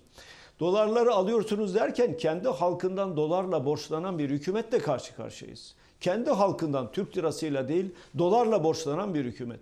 Böylesine bir tablo e, Türkiye'yi felakete götürüyor. Ha bunun örneği mi diyorsunuz? Nasıl felakete götürüyor? E çok basit. 4 milyon elektriksiz hane. Daha bundan bunu daha nasıl anlatabiliriz? Bu dediğim gibi hanelerin yaşadığı sorun. İsmail Bey bir Evet. de şunu düşünün.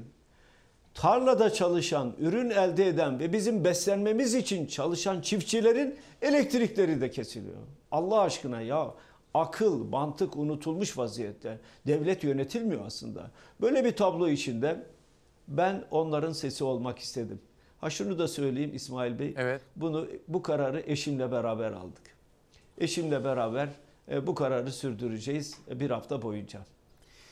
Bir şey soracağım efendim. Şimdi siz bu eyleme başlarken yılbaşında yapılan elektrik zamlarına dikkat çekmek istediniz. Peki elektriğinizin kesileceğini bekliyor muydunuz? Yani böyle bir tahminde bulunmuş muydunuz ve o elektriğin kesildiği anlar size nasıl yansıdı? Nasıl haber verdiler? Ne oldu? Onu birazcık anlatır mısınız lütfen? Ee, eşimin telefonuna e, borçlarımız geliyor e, düzenli olarak şu kadar elektrik borcunuz var diye. Ben daha önce kamuoyuna açıklama yapmıştım. E, elektrik faturalarımı ödemeyeceğim diye. E, elektrik kesilir mi kesilmez mi bilmiyorum. E, e, do- dolayısıyla her an kesilebilirdi de. E, eşime şunu söyledim. Elektrikler kesildiği zaman e, bana lütfen haber ver. E, ben e, elektriklerin kesildiği gün her zaman olduğu gibi evden çıktım. e, genel merkeze gittim. Bir süre sonra e, eşim aradı. Elektriklerin kesildiğini söyledi. Onun üzerine sizin az önce yayınladığınız videoyu çekip bunu kamuoyuyla paylaştım. Dolayısıyla elektrik kesilir mi kesilmez mi bilmiyorum tabii. Yani ilgili şirket görevini yapıyor. Eğer siz elektrik borcunu ödemiyorsanız gelip kesiyorlar. Şunu söylemek isterim. Ben elektrik faturasını ödeyebilecek mali güce sahibim. Bunu herkes biliyor. Zaten milletvekiliyim. Aldığım aylıkla gelen elektrik faturamı rahatlıkla ödeyebilirim. Ama ben elektrik faturasını ödeyemeyen milyonların sesi olmak istedim. O milyonların sesini hem Türkiye'ye hem kamuoyuna hem dünyaya duyurmak istedim. 21. yüzyılın Türkiye'sinde evlerde elektrik yoksa, 4 milyon hanede elektrik yoksa bunun en azından koltuklarında rahat oturan Beşli çetelerin de bilmesi gerekir. Bunu da istedim. Saray sosyetesinin bunu bilmesini istedim. Siz oturuyorsunuz, rahat ediyorsunuz, keyfinize bakıyorsunuz. Bir eliniz yağda, bir eliniz balda. E yani arkadaş ya bu ülkede 4 milyon hane var. 4 milyon hane resmi rakam. Bunun içinde yaşayan her hanede 2 kişi olsa 8 milyon kişi ediyor. 5 kişiyi düşünün 20 milyon kişi ediyor. 20 milyon kişinin elektriksiz bırakılması ne demektir Allah aşkına? Ya bu çocuk düşünün hanede çocuklar okula gidecek elektrik yok. Engelli var elektrik yok. Yani pek çok şeyi e, elektrikle aslında artık 21. yüzyılda buzdolabınızdan tutun çamaşır makinenize, makinenize kadar televizyonunuza kadar elektriğe bağlı. Artık elektrik bir insan hakkı. Bu insan hakkını teslim etmemiz lazım. O nedenle bu e, eylemi yaptım, e, gerçekleştirdim. Sayın Kılıçdaroğlu şimdi tabii çok çarpıcı bir görüntü. Şimdi biz sizi görüyoruz. Siz e, ülkenin ana muhalefet partisinin liderisiniz ve mutfaktasınız. İşte arkada bir Evet. e, lüks lambası görüyorum. Böyle işte mutfak Evet. temizleme deterjanı görüyorum orada. Dün elektrikler kesildi. Evet. Ve ne oldu? Mesela neler yaşadınız gece? Karanlıkta kaldınız. Onu bir anlatır mısınız efendim? Bütün akşam ve gün nasıl geçti karanlıkta?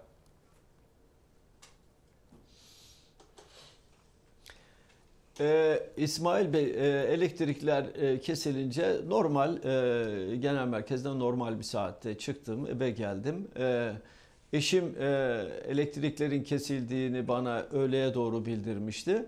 E, dolayısıyla e, kendimiz e, hazırlık yaptık. E, komşularımız sağ olsun bir tüple e, bir e, aydınlatma aracı getirmişlerdi.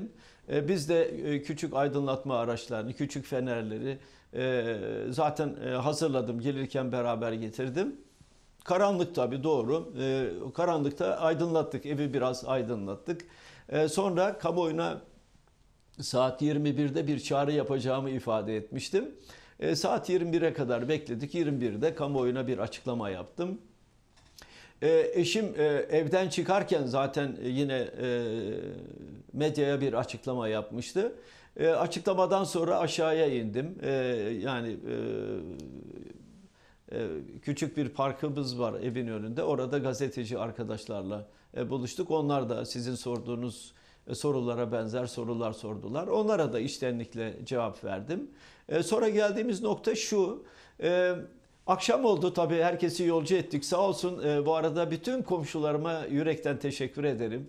E, akşam yemek göndermişler, pastalar göndermişler, tatlılar göndermişlerdi. Sağ olsunlar çaylar geldi. E, çayları hem biz hem e, gelen e, konuklara e, ikram ettik. Güzel bir e, komşu dayanışması örneği de e, sergilediler.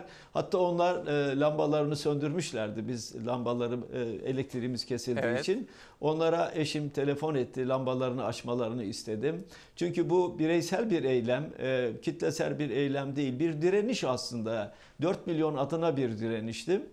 Dolayısıyla insanın hasletini görmek, komşularla dayanışmayı görmek, e, onların gelip bir ihtiyacınız var mı demelerini e, e, duymak. Hatta efendim bizim evden sizin eve elektrik çekelim diye öneriler getirilenler de oldu. Hayır dedik. Yani biz karanlıkta kalan milyonların sesi olmak istiyoruz. E, Ve Evet. o sesi e, duyurmak istiyoruz diye e, ifade ettim. E, Dolayısıyla çok güzel bir atmosfer oldu bizim açımızda. Sayın Kılıçdaroğlu şimdi faturanızın ne kadar geldiğini herkes merak ediyor. Dün ben şöyle ajanslara baktığım zaman bin lira, bin küsür liralık bir faturadan bahsediliyor. Bu hangi döneme ilişkin efendim ve önceden ne kadar geliyordu? Mesela birazcık bahseder misiniz faturanızın tutarından? İsmail Bey doğrusunu isterseniz otomatik ödeme e, bankaya e, o, şey, o şekilde bir talimat verildi. Gelen elektrik faturaları otomatik olarak e, yatırılıyor. E, aslında evde benle eşim yalnız kalıyoruz. Dolayısıyla elektrik faturamız çok fazla tutmuyor. E, bin küsür lira galiba sizin de ifade ettiğiniz gibi bir rakam. E, burada elektrik faturasını ödeyip ödememe değil o gücümüz zaten var. Önemli olan elektrik faturasını ödeyemeyen yurttaşların sesi olmaktı. E, Dolayısıyla e, dediğim gibi oturduk eşimle karar verdik. Evet eşim de bu konularda çok duyarlı. E, O da evlat sahibi sonuçta. Evlatlarını nasıl yetiştirdiğini o da gayet iyi biliyor. Anne sevgisini, annelerin çocuklara duyduğu sevgiyi. Dolayısıyla onların Onlar hastalansa aslında önce anneler hastalanıyor. Onlar güldüğü zaman anne de gülüyor. E şimdi elektriği kesilen bir e, evde annenin e, çektiği acıyı e, elbette en iyi anneler biliyor. E, dolayısıyla bu çerçevede karar aldık ve o kararı uygulamaya koyduk. Faturayı ödeyeceğiz. Bir hafta sonra faturayı ödeyeceğiz tabii. Önemli olan e, sesi duyurmaktı, geniş kitlelere duyurmaktı. Biz geniş kitlelere duyurduk da İsmail Bey saray duydu mu acaba? Sarayın oligarkları duydu mu acaba? Beşli çeteler duydu mu acaba? Asıl duymaları gereken o. Şimdi bir de şu var. Elektrik borcu olanların elektrik faturalarını şöyle veya böyle birileri ödeyebilir. Bana e, bazıları e, daha doğrusu AK Parti'ye yakın e, bazı arkadaşlar biz sizin elektrik faturanızı ödeyelim falan diye böyle ucuz kahramanlık yapıyorlar. Ya ben elektrik faturasını hala ne yaptığımı kavra- kavrayamamışlar. Hala niçin bunu yaptığımı anlayamamışlar. Ben elektrik faturamı öderim. Elektrik faturası dediğiniz benim için e, son derece düşük bir rakam. Ama ya o elektrik faturasını ödeyemeyen milyonlar var. Bundan haberleri yok. E, dolayısıyla biz siyasi görüşümüz ne olursa olalım yani çok farklı siyasi görüşlerde de olsak önemli olan bu ülkede yaşayan vatandaşların huzuru. Her evde huzurun, her evde bereketin olması, her evde sevginin, her evde kucaklaşmanın olması aslında her siyasi partinin ortak hedefi olmak zorunda. Bu hedefi hem içselleştirmek istiyoruz hem dünyaya duyurmak istiyoruz. Bugün yaşanan dram gerçekten felaket. İzledikleri ekonomi politikası en hızlı iflas eden ekonomi politikası oldu. Bakın İsmail Bey. İzledikleri ekonomi politikası ekonominin en hızlı iflas ettiği bir sürecin içine Türkiye'yi e, soktu. Hala farkında değiller. Biz elektrik faturalarını tek tek ödemek ya da insanların e, elektrik ödeyemediği zaman elektriklerinin kesilmesi gibi bir tablonun ortaya çıkmasını kabul etmiyoruz. Biz aile destekleri sigortasını getirerek İsmail Bey Evet, aile evet. destekleri sigortasını getirerek elektrik faturasını ödeyemeyecek durumda olan her ailenin elektrik faturasını aile destekleri sigortası fonu ödeyecek. Dolayısıyla hiçbir aile coğrafyanın neresinde yaşarsa yaşasın elektriksiz kalmayacak. Ben tabi sarayın e, e, aktörleri e, aile destekleri sigortasını getirmezler. Onlar yoksulluğu sömürmek istiyorlar. Ama o sözü veriyorum aile destekleri sigortası geldiği zaman hiçbir çocuk yatağa aç girmeyecek ve hiçbir çocuk karanlıkta kalmayacak. Hiçbir aile aç kalmayacak, hiçbir aile karanlıkta kalmayacak.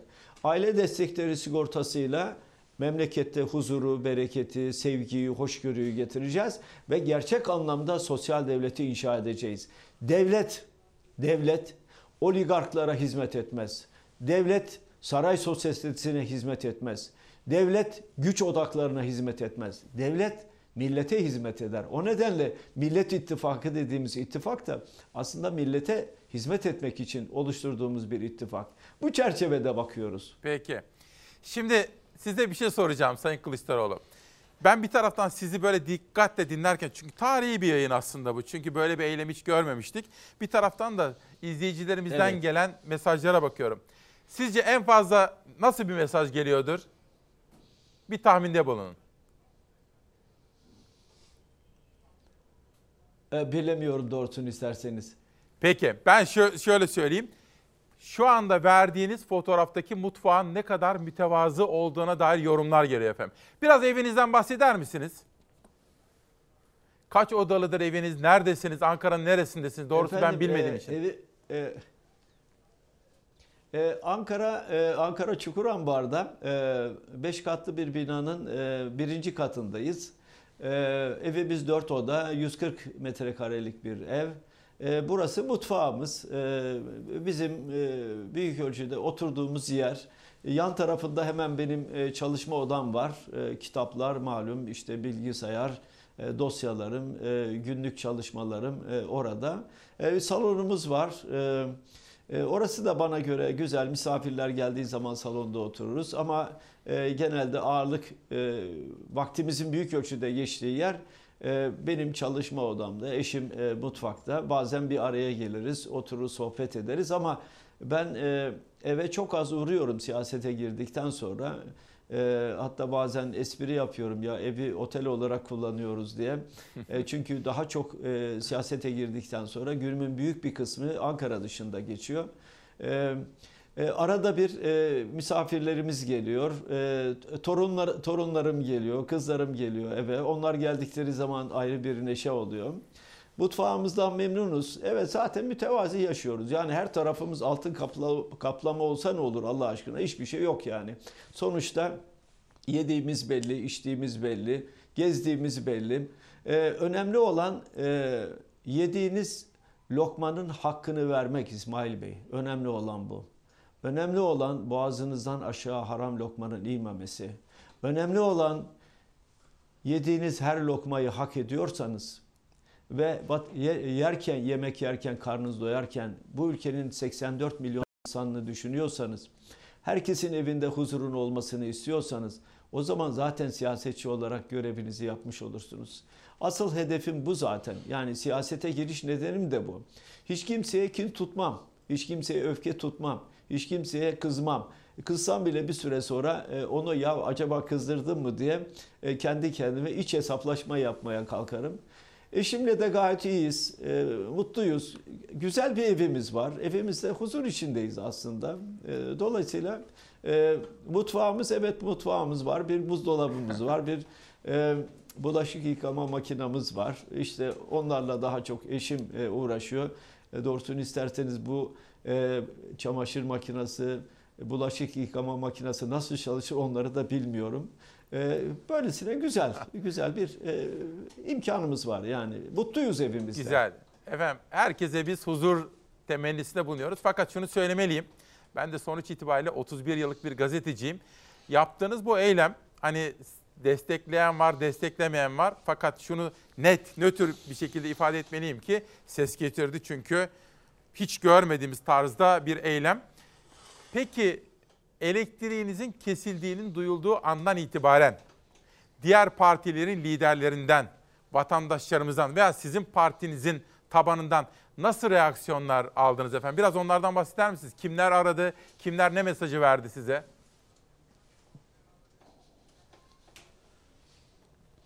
Ee, Millet İttifakı'nı e, oluşturan e, partilerin e, sayın genel başkanları aradılar. Sağ olsunlar. Elektriği kesilen ailelerin sesini duyurmak açısından oluşturulan farkındalığın ne kadar önemli olduğunu ifade ettiler. Dolayısıyla desteklerini ifade ettiler. Kendilerine gerçekten yürekten teşekkür ederim. Çünkü elektrik kesilmesinden ötürü bir evin elektriksiz kalması e, bir bir anlamda dünyayla ilişkilerini ilişkilerini koparma anlamına geliyor. Diğer genel başkanlar da aynı kaygıları paylaştılar. Ben Cumhur İttifakı'nı oluşturan liderler bundan e, elbette rahatsız olmuşlardır. Çünkü gerçeğin bu kadar açık ve bu kadar net topluma yansımış olması elektriksiz bir evin 21. yüzyılda e, en azından e, bizim hak etmediğimiz bir manzara olmasını onlar gördüler. Gördüler mi bilmiyorum ama en azından geniş kitleler gördüler. Onların görmelerini istiyordum zaten. Geniş kitlelerin görmesini istiyordum. Bizim kucaklaşmaya ihtiyacımız var. Bunu ifade etmek istedim. Devletin iyi yönetilmediğini bir anlamda e, kamuoyuna duyurmak istedim. Liderler bunları e, liderlerle güzel e, konuşmalarımız oldu tele, tele, e, telefonda. E, zaten araya sekreter falan koymuyoruz. Doğrudan doğruya cep telefonlarını açıp e, birbirimizle e, konuşabiliyoruz. İyi dileklerimizi aktarabiliyoruz, düşüncelerimizi aktarabiliyoruz. Vatandaşlardan özellikle partili arkadaşlarımdan e, sakin olmalarını istedim. E, başka bir eylem yapmamalarını istedim. Bunun bir sivil itaatsizlik e, olmadığını da ifade ettim. Bu bireysel bir harekettir, bu bireysel bir direniştir diye ifade ettim. E, dolayısıyla e, evin önüne kalabalıkların gelmemesini istedim. Çünkü olay başka mecralara taşınabilirdi. Farklı sonuçlar doğurabilirdi. Oysa bu bireysel bir çaba. Bütün dünyaya, Türkiye'ye, Türkiye'nin bütün insanlarına bu yaşanan haksızlığı, adaletsizliği göstermek istedim. Ee, devletin sosyal devlet olmaktan süratle çıktığını ve bu yapanın da iktidar olduğunu ifade etmek istedim. Ee, dolayısıyla Geldiğimiz noktada tabii eleştirenler var mı? Doğal olarak e, iktidar kanadına e, mensup e, siyasi partiler eleştirebilirler. Daha henüz bir eleştiri kulağıma gelmedi ama herhalde yarın öbür gün e, pek çok eleştiri de gelebilir. Ama eleştiriler olur yani. E, İsmail Bey, e, Evet. önemli olan şu, bir haksızlık varsa, bir yanlışlık varsa, eğer bu ülkede insanlar mağdur oluyorlarsa mağdurların sesi olmak gerekiyor. Güçlü her zaman sesini duyurabilir ama önemli olan mağdurun sesini duyurabilmektir. Mağdurlar gelir seviyesi düşük olan insanlar bunlar. Dolayısıyla bunlar büyük ölçüde kentin varoşlarında yaşıyorlar. Bunlar seslerini duyuramıyorlar. E siz siyasete girdiyseniz bunların sesi olmak ve bunların sesini duyurmak zorundasınız. İktidar sahiplerinin bu sesi duyması lazım. İktidar sahiplerine söylüyorum. Mesela enerji çeki verin bunlara, elektrik çeki verin. Çek verirseniz en azından yoksul aileler yeri geldiği zaman bu çeklerle en azından elektriklerinin kesilmesini e, önleyebilirler. Bakın İsmail Bey şunu da Evet. hep yapıyorum. Bazen diyorlar ya efendim bu CHP var ya CHP hatta e, onların ifadesiyle şu CHP var ya CHP hep eleştirir hiç öneri getirmez diye. Aslında yaptığım her eleştirinin arkasına mutlaka bir öneri getiriyorum.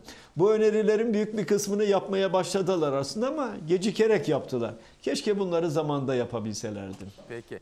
Efendim bir soru aklıma geldi sizi dinlerken. Tabii siz bir taraftan iktidar tarafından gelecek Tabii. işte Türkiye'nin huzurunu bozuyor, işte sivil itaatsizlik eylemi falan gibi eleştirileri önceden aslında göğüslemeye çalışıyorsunuz. Ee, kendi tabanınızda sakinleştirmeye ve bunu daha kitlesel hale getirmemeye de çalışıyorsunuz. Bunu gözlemleyebiliyorum. Fakat benim aklıma şöyle bir soru takıldı.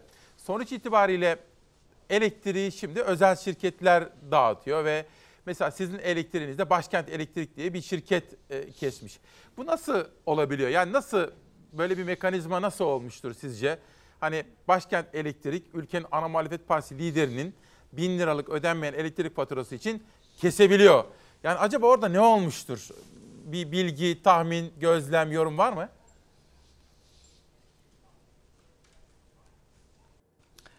Ee, İsmail Bey, e, şöyle ifade edeyim. İzlenen politika yani neoliberal politika e, devletin fakirleşmesi ama bir avuç insanın zenginleşmesi üzerine inşa edildi. Devlet fakirleştikçe e, kitleler de fakirleşiyorlar ama e, belli bir grup, belli bir sermaye grubu olağanüstü zenginleşiyor, olağanüstü imkanlara kavuşuyor. E, dolayısıyla bu geniş kitlelerin yoksullaşmasına yol açıyor.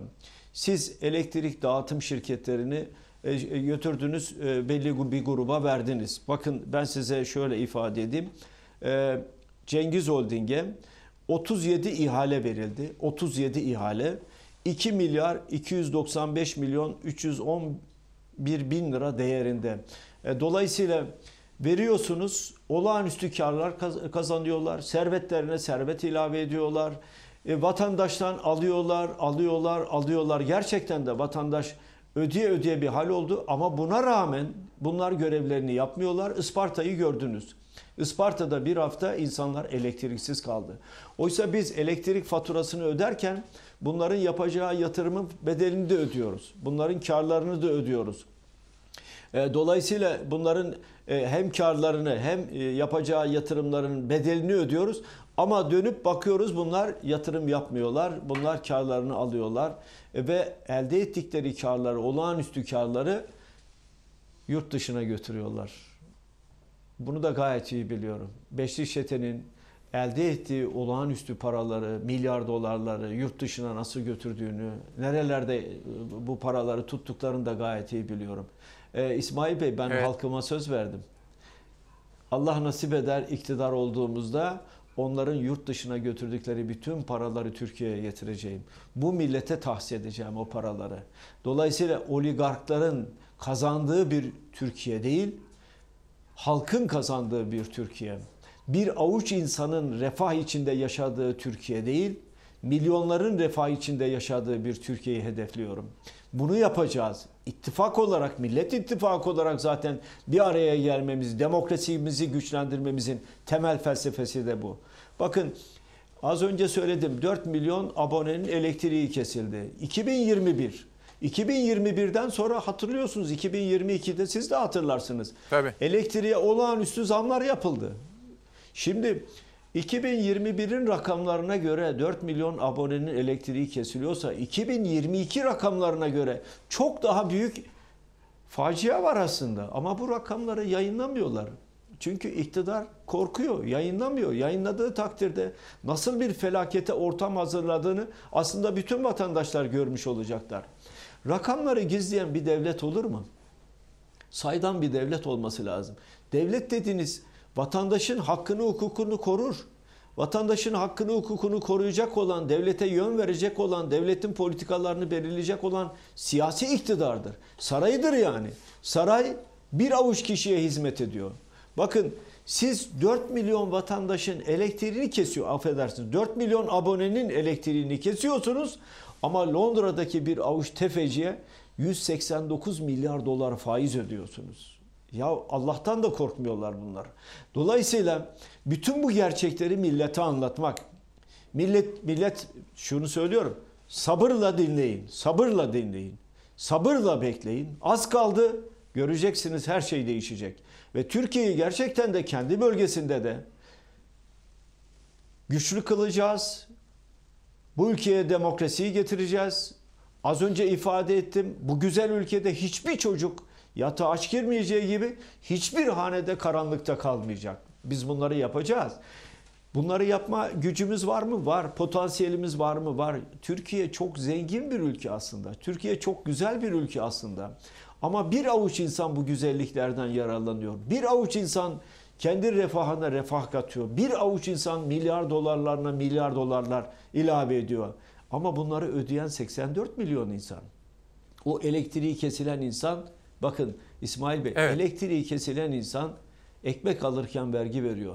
Ama kur korumalı mevduat milyon dolarları yatırıyor oraya, Türk lirası olarak yatırıyor oraya. Hem yüksek faiz elde ediyor, artı hem de diyor ki senden vergi almayacağım diyor. Milyonları alan, milyarları alan 5 kuruş vergi ödemezken ekmek alan vergi veriyor. Ya bu kadar adaletsizlik olur mu? Bu adaletsizliklere son vereceğiz. Son vereceğim. Yani burada çok kararlıyız. Çünkü bu ülkede eğer siz geniş kitleleri açlık ve yoksullukla karşı karşıya getirirseniz refaha sağlayamazsınız, huzuru sağlayamazsınız.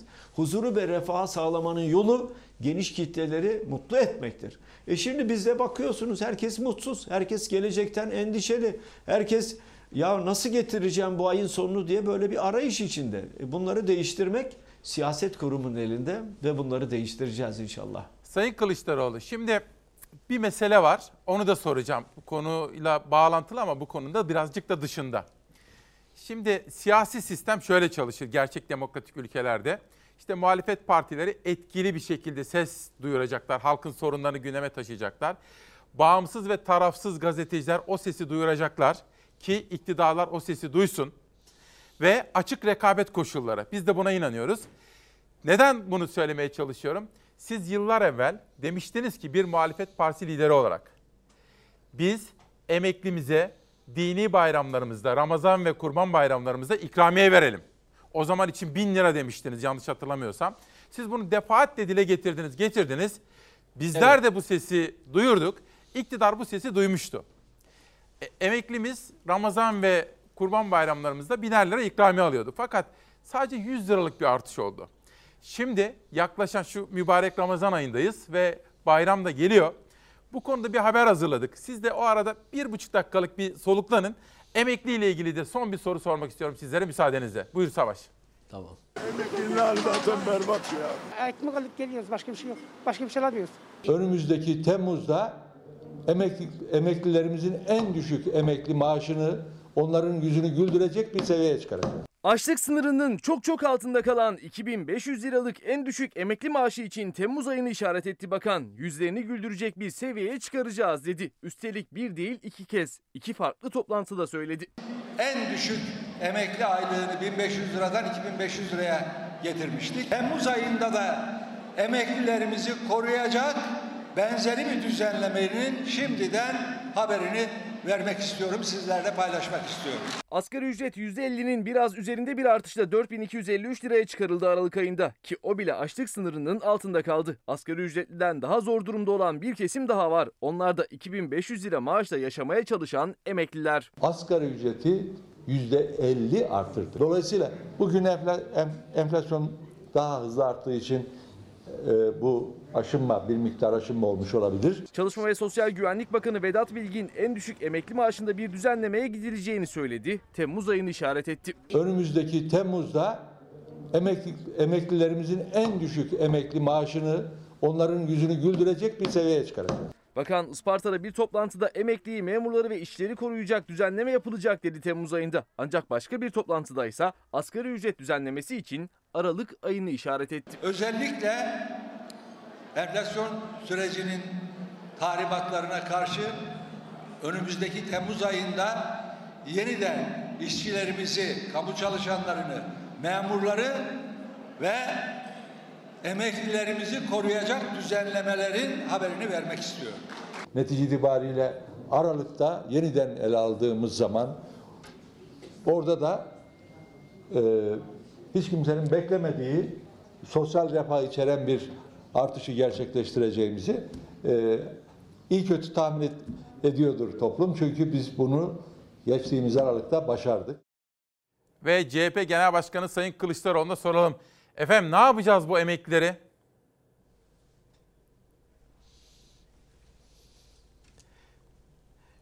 Efendim emeklilerin e, derdi gerçekten çok büyük. Geçinemiyorlar. E, aldıkları aylıkların büyük bir kısmı asgari ücretin altında. Ben daha önce bütün konuşmalarda emeklilere en azından iki bayram, Ramazan bayramı ve Kurban bayramında e, asgari ücret kadar bir e, ikramiye verilmesini istemiştim. Bin lira yaptılar. Tamam bin lira bin lira. Emekliler de ya teşekkür ettiler. Yani bin lira da olsa en azından torunlara bayramda harçlık veririz diye. Aradan uzun süre geçti. Bin lirayı hep sabit tuttular. Ya bu bu kadar enflasyon var bu. Bin lira olmaz bunu artırın dedik. Onu 1100 lira yaptılar.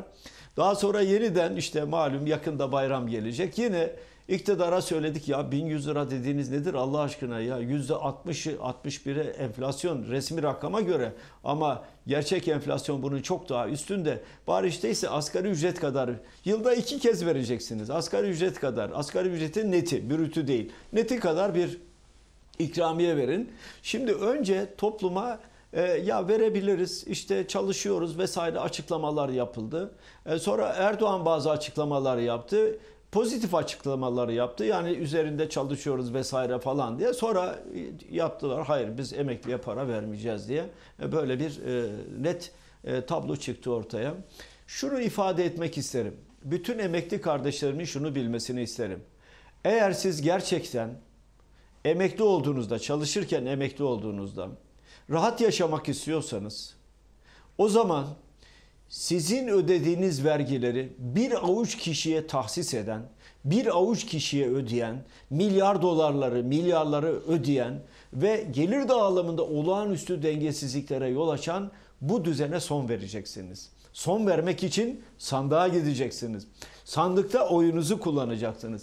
Emekliye şunu söylüyorum. Sandığa gidip oy kullanırken elini vicdanına koy. Kendini düşün, aileni düşün, çoluk çocuğunu düşün, torunlarını düşün. Ya ülkeleri düşün. Verdikleri sözün hangisini yerine getirdiler? Verdikleri vaatlerin hangisini yerine getirdiler? Sadece iki şey söyleyeyim. Diyorlardı ki efendim Türkiye'yi dünyanın gelişmiş 10 ekonomisi arasına sokacağız diye 20 20'si içindeydik oradan da düştük. Ya artık yeter artık insaf.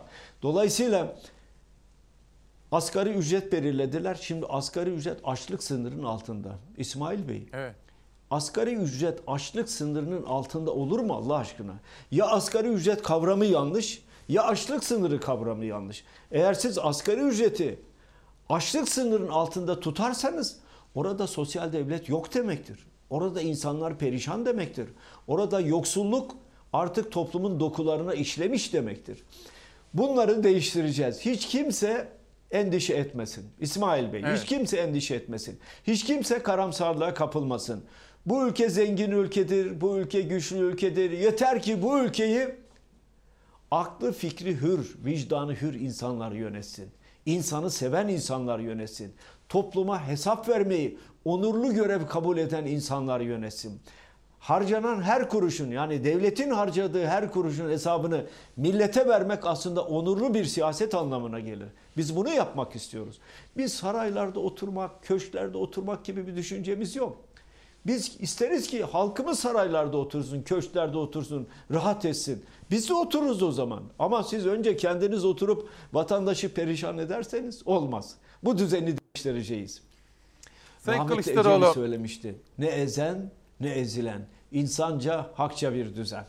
Sayın Kılıçdaroğlu öncelikle hem geçmiş olsun hem de teşekkür ederim. Son bir soru soracağım ama o soruya ge- geçerken bir küçük bilgilendirme yapmam gerekiyor. Tabii bu yayın bizim için de önemli ve tarihi itibariyle, zamanlama itibariyle de önemli bir yayın oldu. Fakat ben aslında bu yayını yaklaşık 12-13 gündür işte yazışmaları da duruyor, telefonlaşmalarım da duruyor. Sizin basın danışmanınız Ömer Bey kardeşimle konuşuyorduk. Ben aslında önümüzdeki hafta Ankara'dan sizi ağırlamak istiyordum. Çünkü liderler zirvesi var. Daha doğrusu 6 muhalefet partisinin, sizin ve dostlarınızın bir araya gelecekleri yeni bir toplantı var.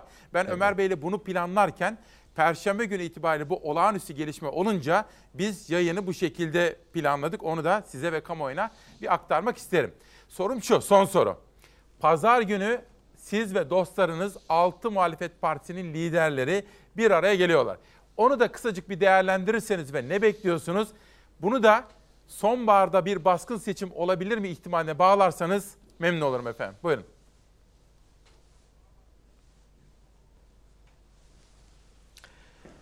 İsmail Bey, e, altı lider bir araya geleceğiz. E, bu sefer ev sahipliğini Demokrat Parti yapacak. E, elbette ki Türkiye'nin sorunlarını konuşacağız. Elbette ki sorunların çözümü konusunda düşüncelerimizi aktaracağız. E, bu toplantıda e, daha önceki toplantıda kurmuş olduğumuz Seçim Güvenliği Komisyonu'nun çalışmalarını masaya yatıracağız. Yani sandığa giden vatandaşımız oyunu kullanırken seçim güvenliğini nasıl sağlayacağız? Her bir sandıkta kim ne kadar e, temsil edilecek? Bunlar görüşülecek. Var olan bilgiler, var olan dokümanlar yine paylaşılacak. Ayrıca güçlendirilmiş parlamenter sisteme geçme konusunda şöyle bir karar almıştık. E, maddelerin yazımı hem anayasa hem meclis iş tüzüğü hem siyasi partiler yasasında hangi değişiklikler yapılabilmeli? E, bunların maddeleştirilmesi yani hukuki altyapılarının sağlıklı oluşturulması açısından bu konuda da bir çalışma yapıldı. E, o çalışmayı da masaya yatıracağız. Hangi aşamaya geldiği konusunda. E, ayrıca güçlendirilmiş parlamenter sisteme geçiş süreciyle ilgili de çalışmalar her bir parti bunu ayrı ayrı yapacaktı. Sonra masada bunlar oturulup konuşulacak. Şunu ifade etmek isterim. Türkiye'nin içinde bulunduğu bu tablodan çekip çıkarmak elbette ki çok güzel bir şey. E, şunu rahatlıkla söyleyebilirim. Efendim Cumhur İttifakı beşli çetenin ittifakıdır. Millet İttifakı ise adından olduğu gibi anlaşılacağı gibi milletin ittifakıdır. Biz milletin çıkarlarını savunuyoruz. Kendi çıkarlarımız değil. Milletin huzur içinde olmasını istiyoruz. Kendimiz değil. Eğer millet huzur içinde olursa zaten biz de huzur içinde. Biz milletin bir parçasıyız. Karnı doyacak, eğlenecek, dayanışacak, kucaklaşacak. Bunu yapmak zorundayız. Bunu yaptığınız zaman Türkiye'nin çözülemeyecek hiçbir sorunu yok. Bütün sorunları çözülür. 24'ünde bu anlayışla tekrar bir araya geleceğiz. Oturacağız, konuşacağız, dertleşeceğiz, ekonomiyi konuşacağız, dış politikayı konuşacağız. Bunlar çok önemli. Ee, öyle düşünüyorum. Çünkü altı lider alanı geziyorlar, Türkiye'yi geziyorlar. Gördükleri olayları, karşılaştıkları olayları, sorunları oturup yine bir masanın etrafında konuşuyoruz. Çözümlerimizi de kısmen anlatıyoruz birbirimize. Daha sonra bu çözümler yazılı hale geliyor. Ee, Diğer liderlere gönderiliyor çözümler. Bu çerçeveden e, baktığımda umutsuz değilim. E, Türkiye'yi güzel günler bekliyor. Sayın Kılıçdaroğlu teşekkür ediyorum. Geçmiş olsun. Lütfen Selvi Hanım'a da geçmiş olsun dileklerimi iletin. Yarın bayram 23 Nisan bayramı Ulusal Egemenlik ve Çocuk Bayramımız ve milli irademizin tecelli etmesi atamızı, büyük önderimiz Gazi Mustafa Kemal Atatürk'ü saygıyla andığımız bir bayram. Şimdiden sizlere de bütün ulusumuza da bu bayramımız kutlu olsun diyorum efendim. Son sözü size bırakıyorum. Sonra vedalaşalım. Buyurun.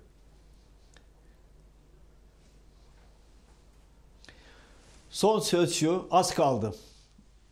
Herkes sabırla beklesin. Sandık sonunda gelecek. Sandığa giderken bütün vatandaşlarımdan sadece şunu istiyorum. Sandığa giderken vicdanınızın sesini dinleyin. Evinizi düşünün, mutfağınızı düşünün, komşunuzu düşünün, akrabalarınızı düşünün. Emekliyseniz aldığınız aylığı düşünün. Asgari ücretliyseniz pazara çıktığınızda yaşadıklarınızı düşünün. E Türkiye bunları hak ediyor mu? Siz bunları hak ediyor musunuz? Hayır. O zaman dönem değişim dönemi. Dönem e, daha güzel bir pencereyi açma dönemi, dönem bahar dönemi. Bütün bunların hepsini düşünerek vatandaşlarımız oy kullanırlarsa çok mutlu olurum. E, Dolayısıyla ben umutsuz değilim. E, Umudu büyütmemiz lazım, güzellikleri büyütmemiz lazım. Baharda ağaçlar çiçek açtığı zaman o ağaçlara baktığımızda içimize huzur dolar.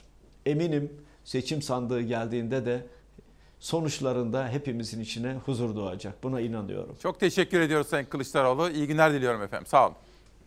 Değerli izleyenler işte böyle İsmail Küçükkaya ile Demokrasi Meydanı'nda bu sabahta bir refleks göstermeye çalıştık. Esasında gelecek hafta ağırlamak istediğimiz Kılıçdaroğlu'nu liderler zirvesiyle ilgili sorular yöneltmek istediğimiz ana muhalefet partisini elektrikleri kesilince yayına bu şekilde aldık. Bizim için de değişik bir tecrübe oldu. Ama önemli olan halkımızın neyin neden yapıldığına dair sorularını mümkün olduğu kadar kendisine yöneltmekti. Bundan sonra takdir ve her şey, bütün yorum siz değerli kamuoyunun diyorum efendim. Yarın, yarın 23 Nisan.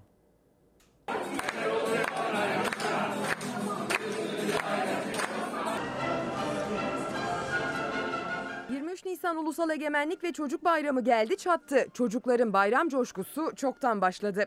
Konservatuarlı abi ablaları çocuk bayramını onkoloji bölümünde tedavi olurken geçirecek kardeşlerini unutmadı. Özel gereksinimli çocuklar Atatürk'ün kendilerine ve tüm dünya çocuklarına armağan ettiği bayramı ağaç dikerek eğlenerek kutladı. Milli Eğitim Bakanı ise çocuklarla birlikte barış ekmeği pişirdi. Ekmek Rusya'ya da gönderildi.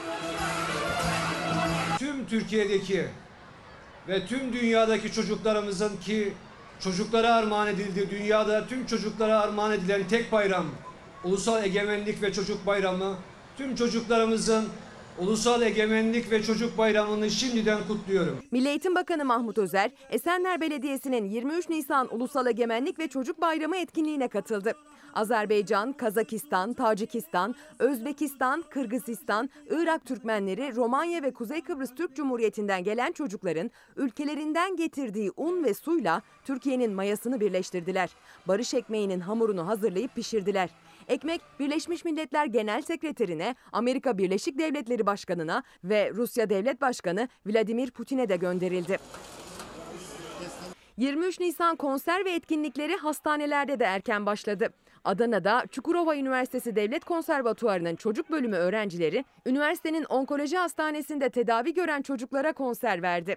Etkinlik öncesi PCR testleri ve çeşitli taramaları yapılan konservatuvar öğrencileri 45 onkoloji hastası çocuğa bayram coşkusu yaşattı.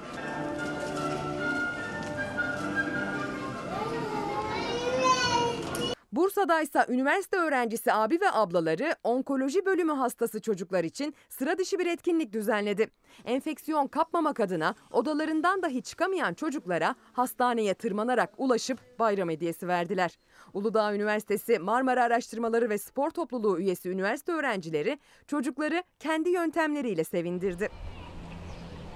Eskişehir'de ise Anadolu Üniversitesi Engelliler Araştırma Enstitüsü'nde eğitim gören özel gereksinimli çocuklar için 23 Nisan coşkusu erken başladı. Aileleriyle birlikte şarkılar söyleyip gönüllerince eğlenen çocuklar Eskişehir-Ankara Karayolu'nda oluşturulan hatıra ormanına sedir ve çam fidanları dikti. Çocukların bayram coşkusu toprakla buluşturulan fidanlarla köklendi.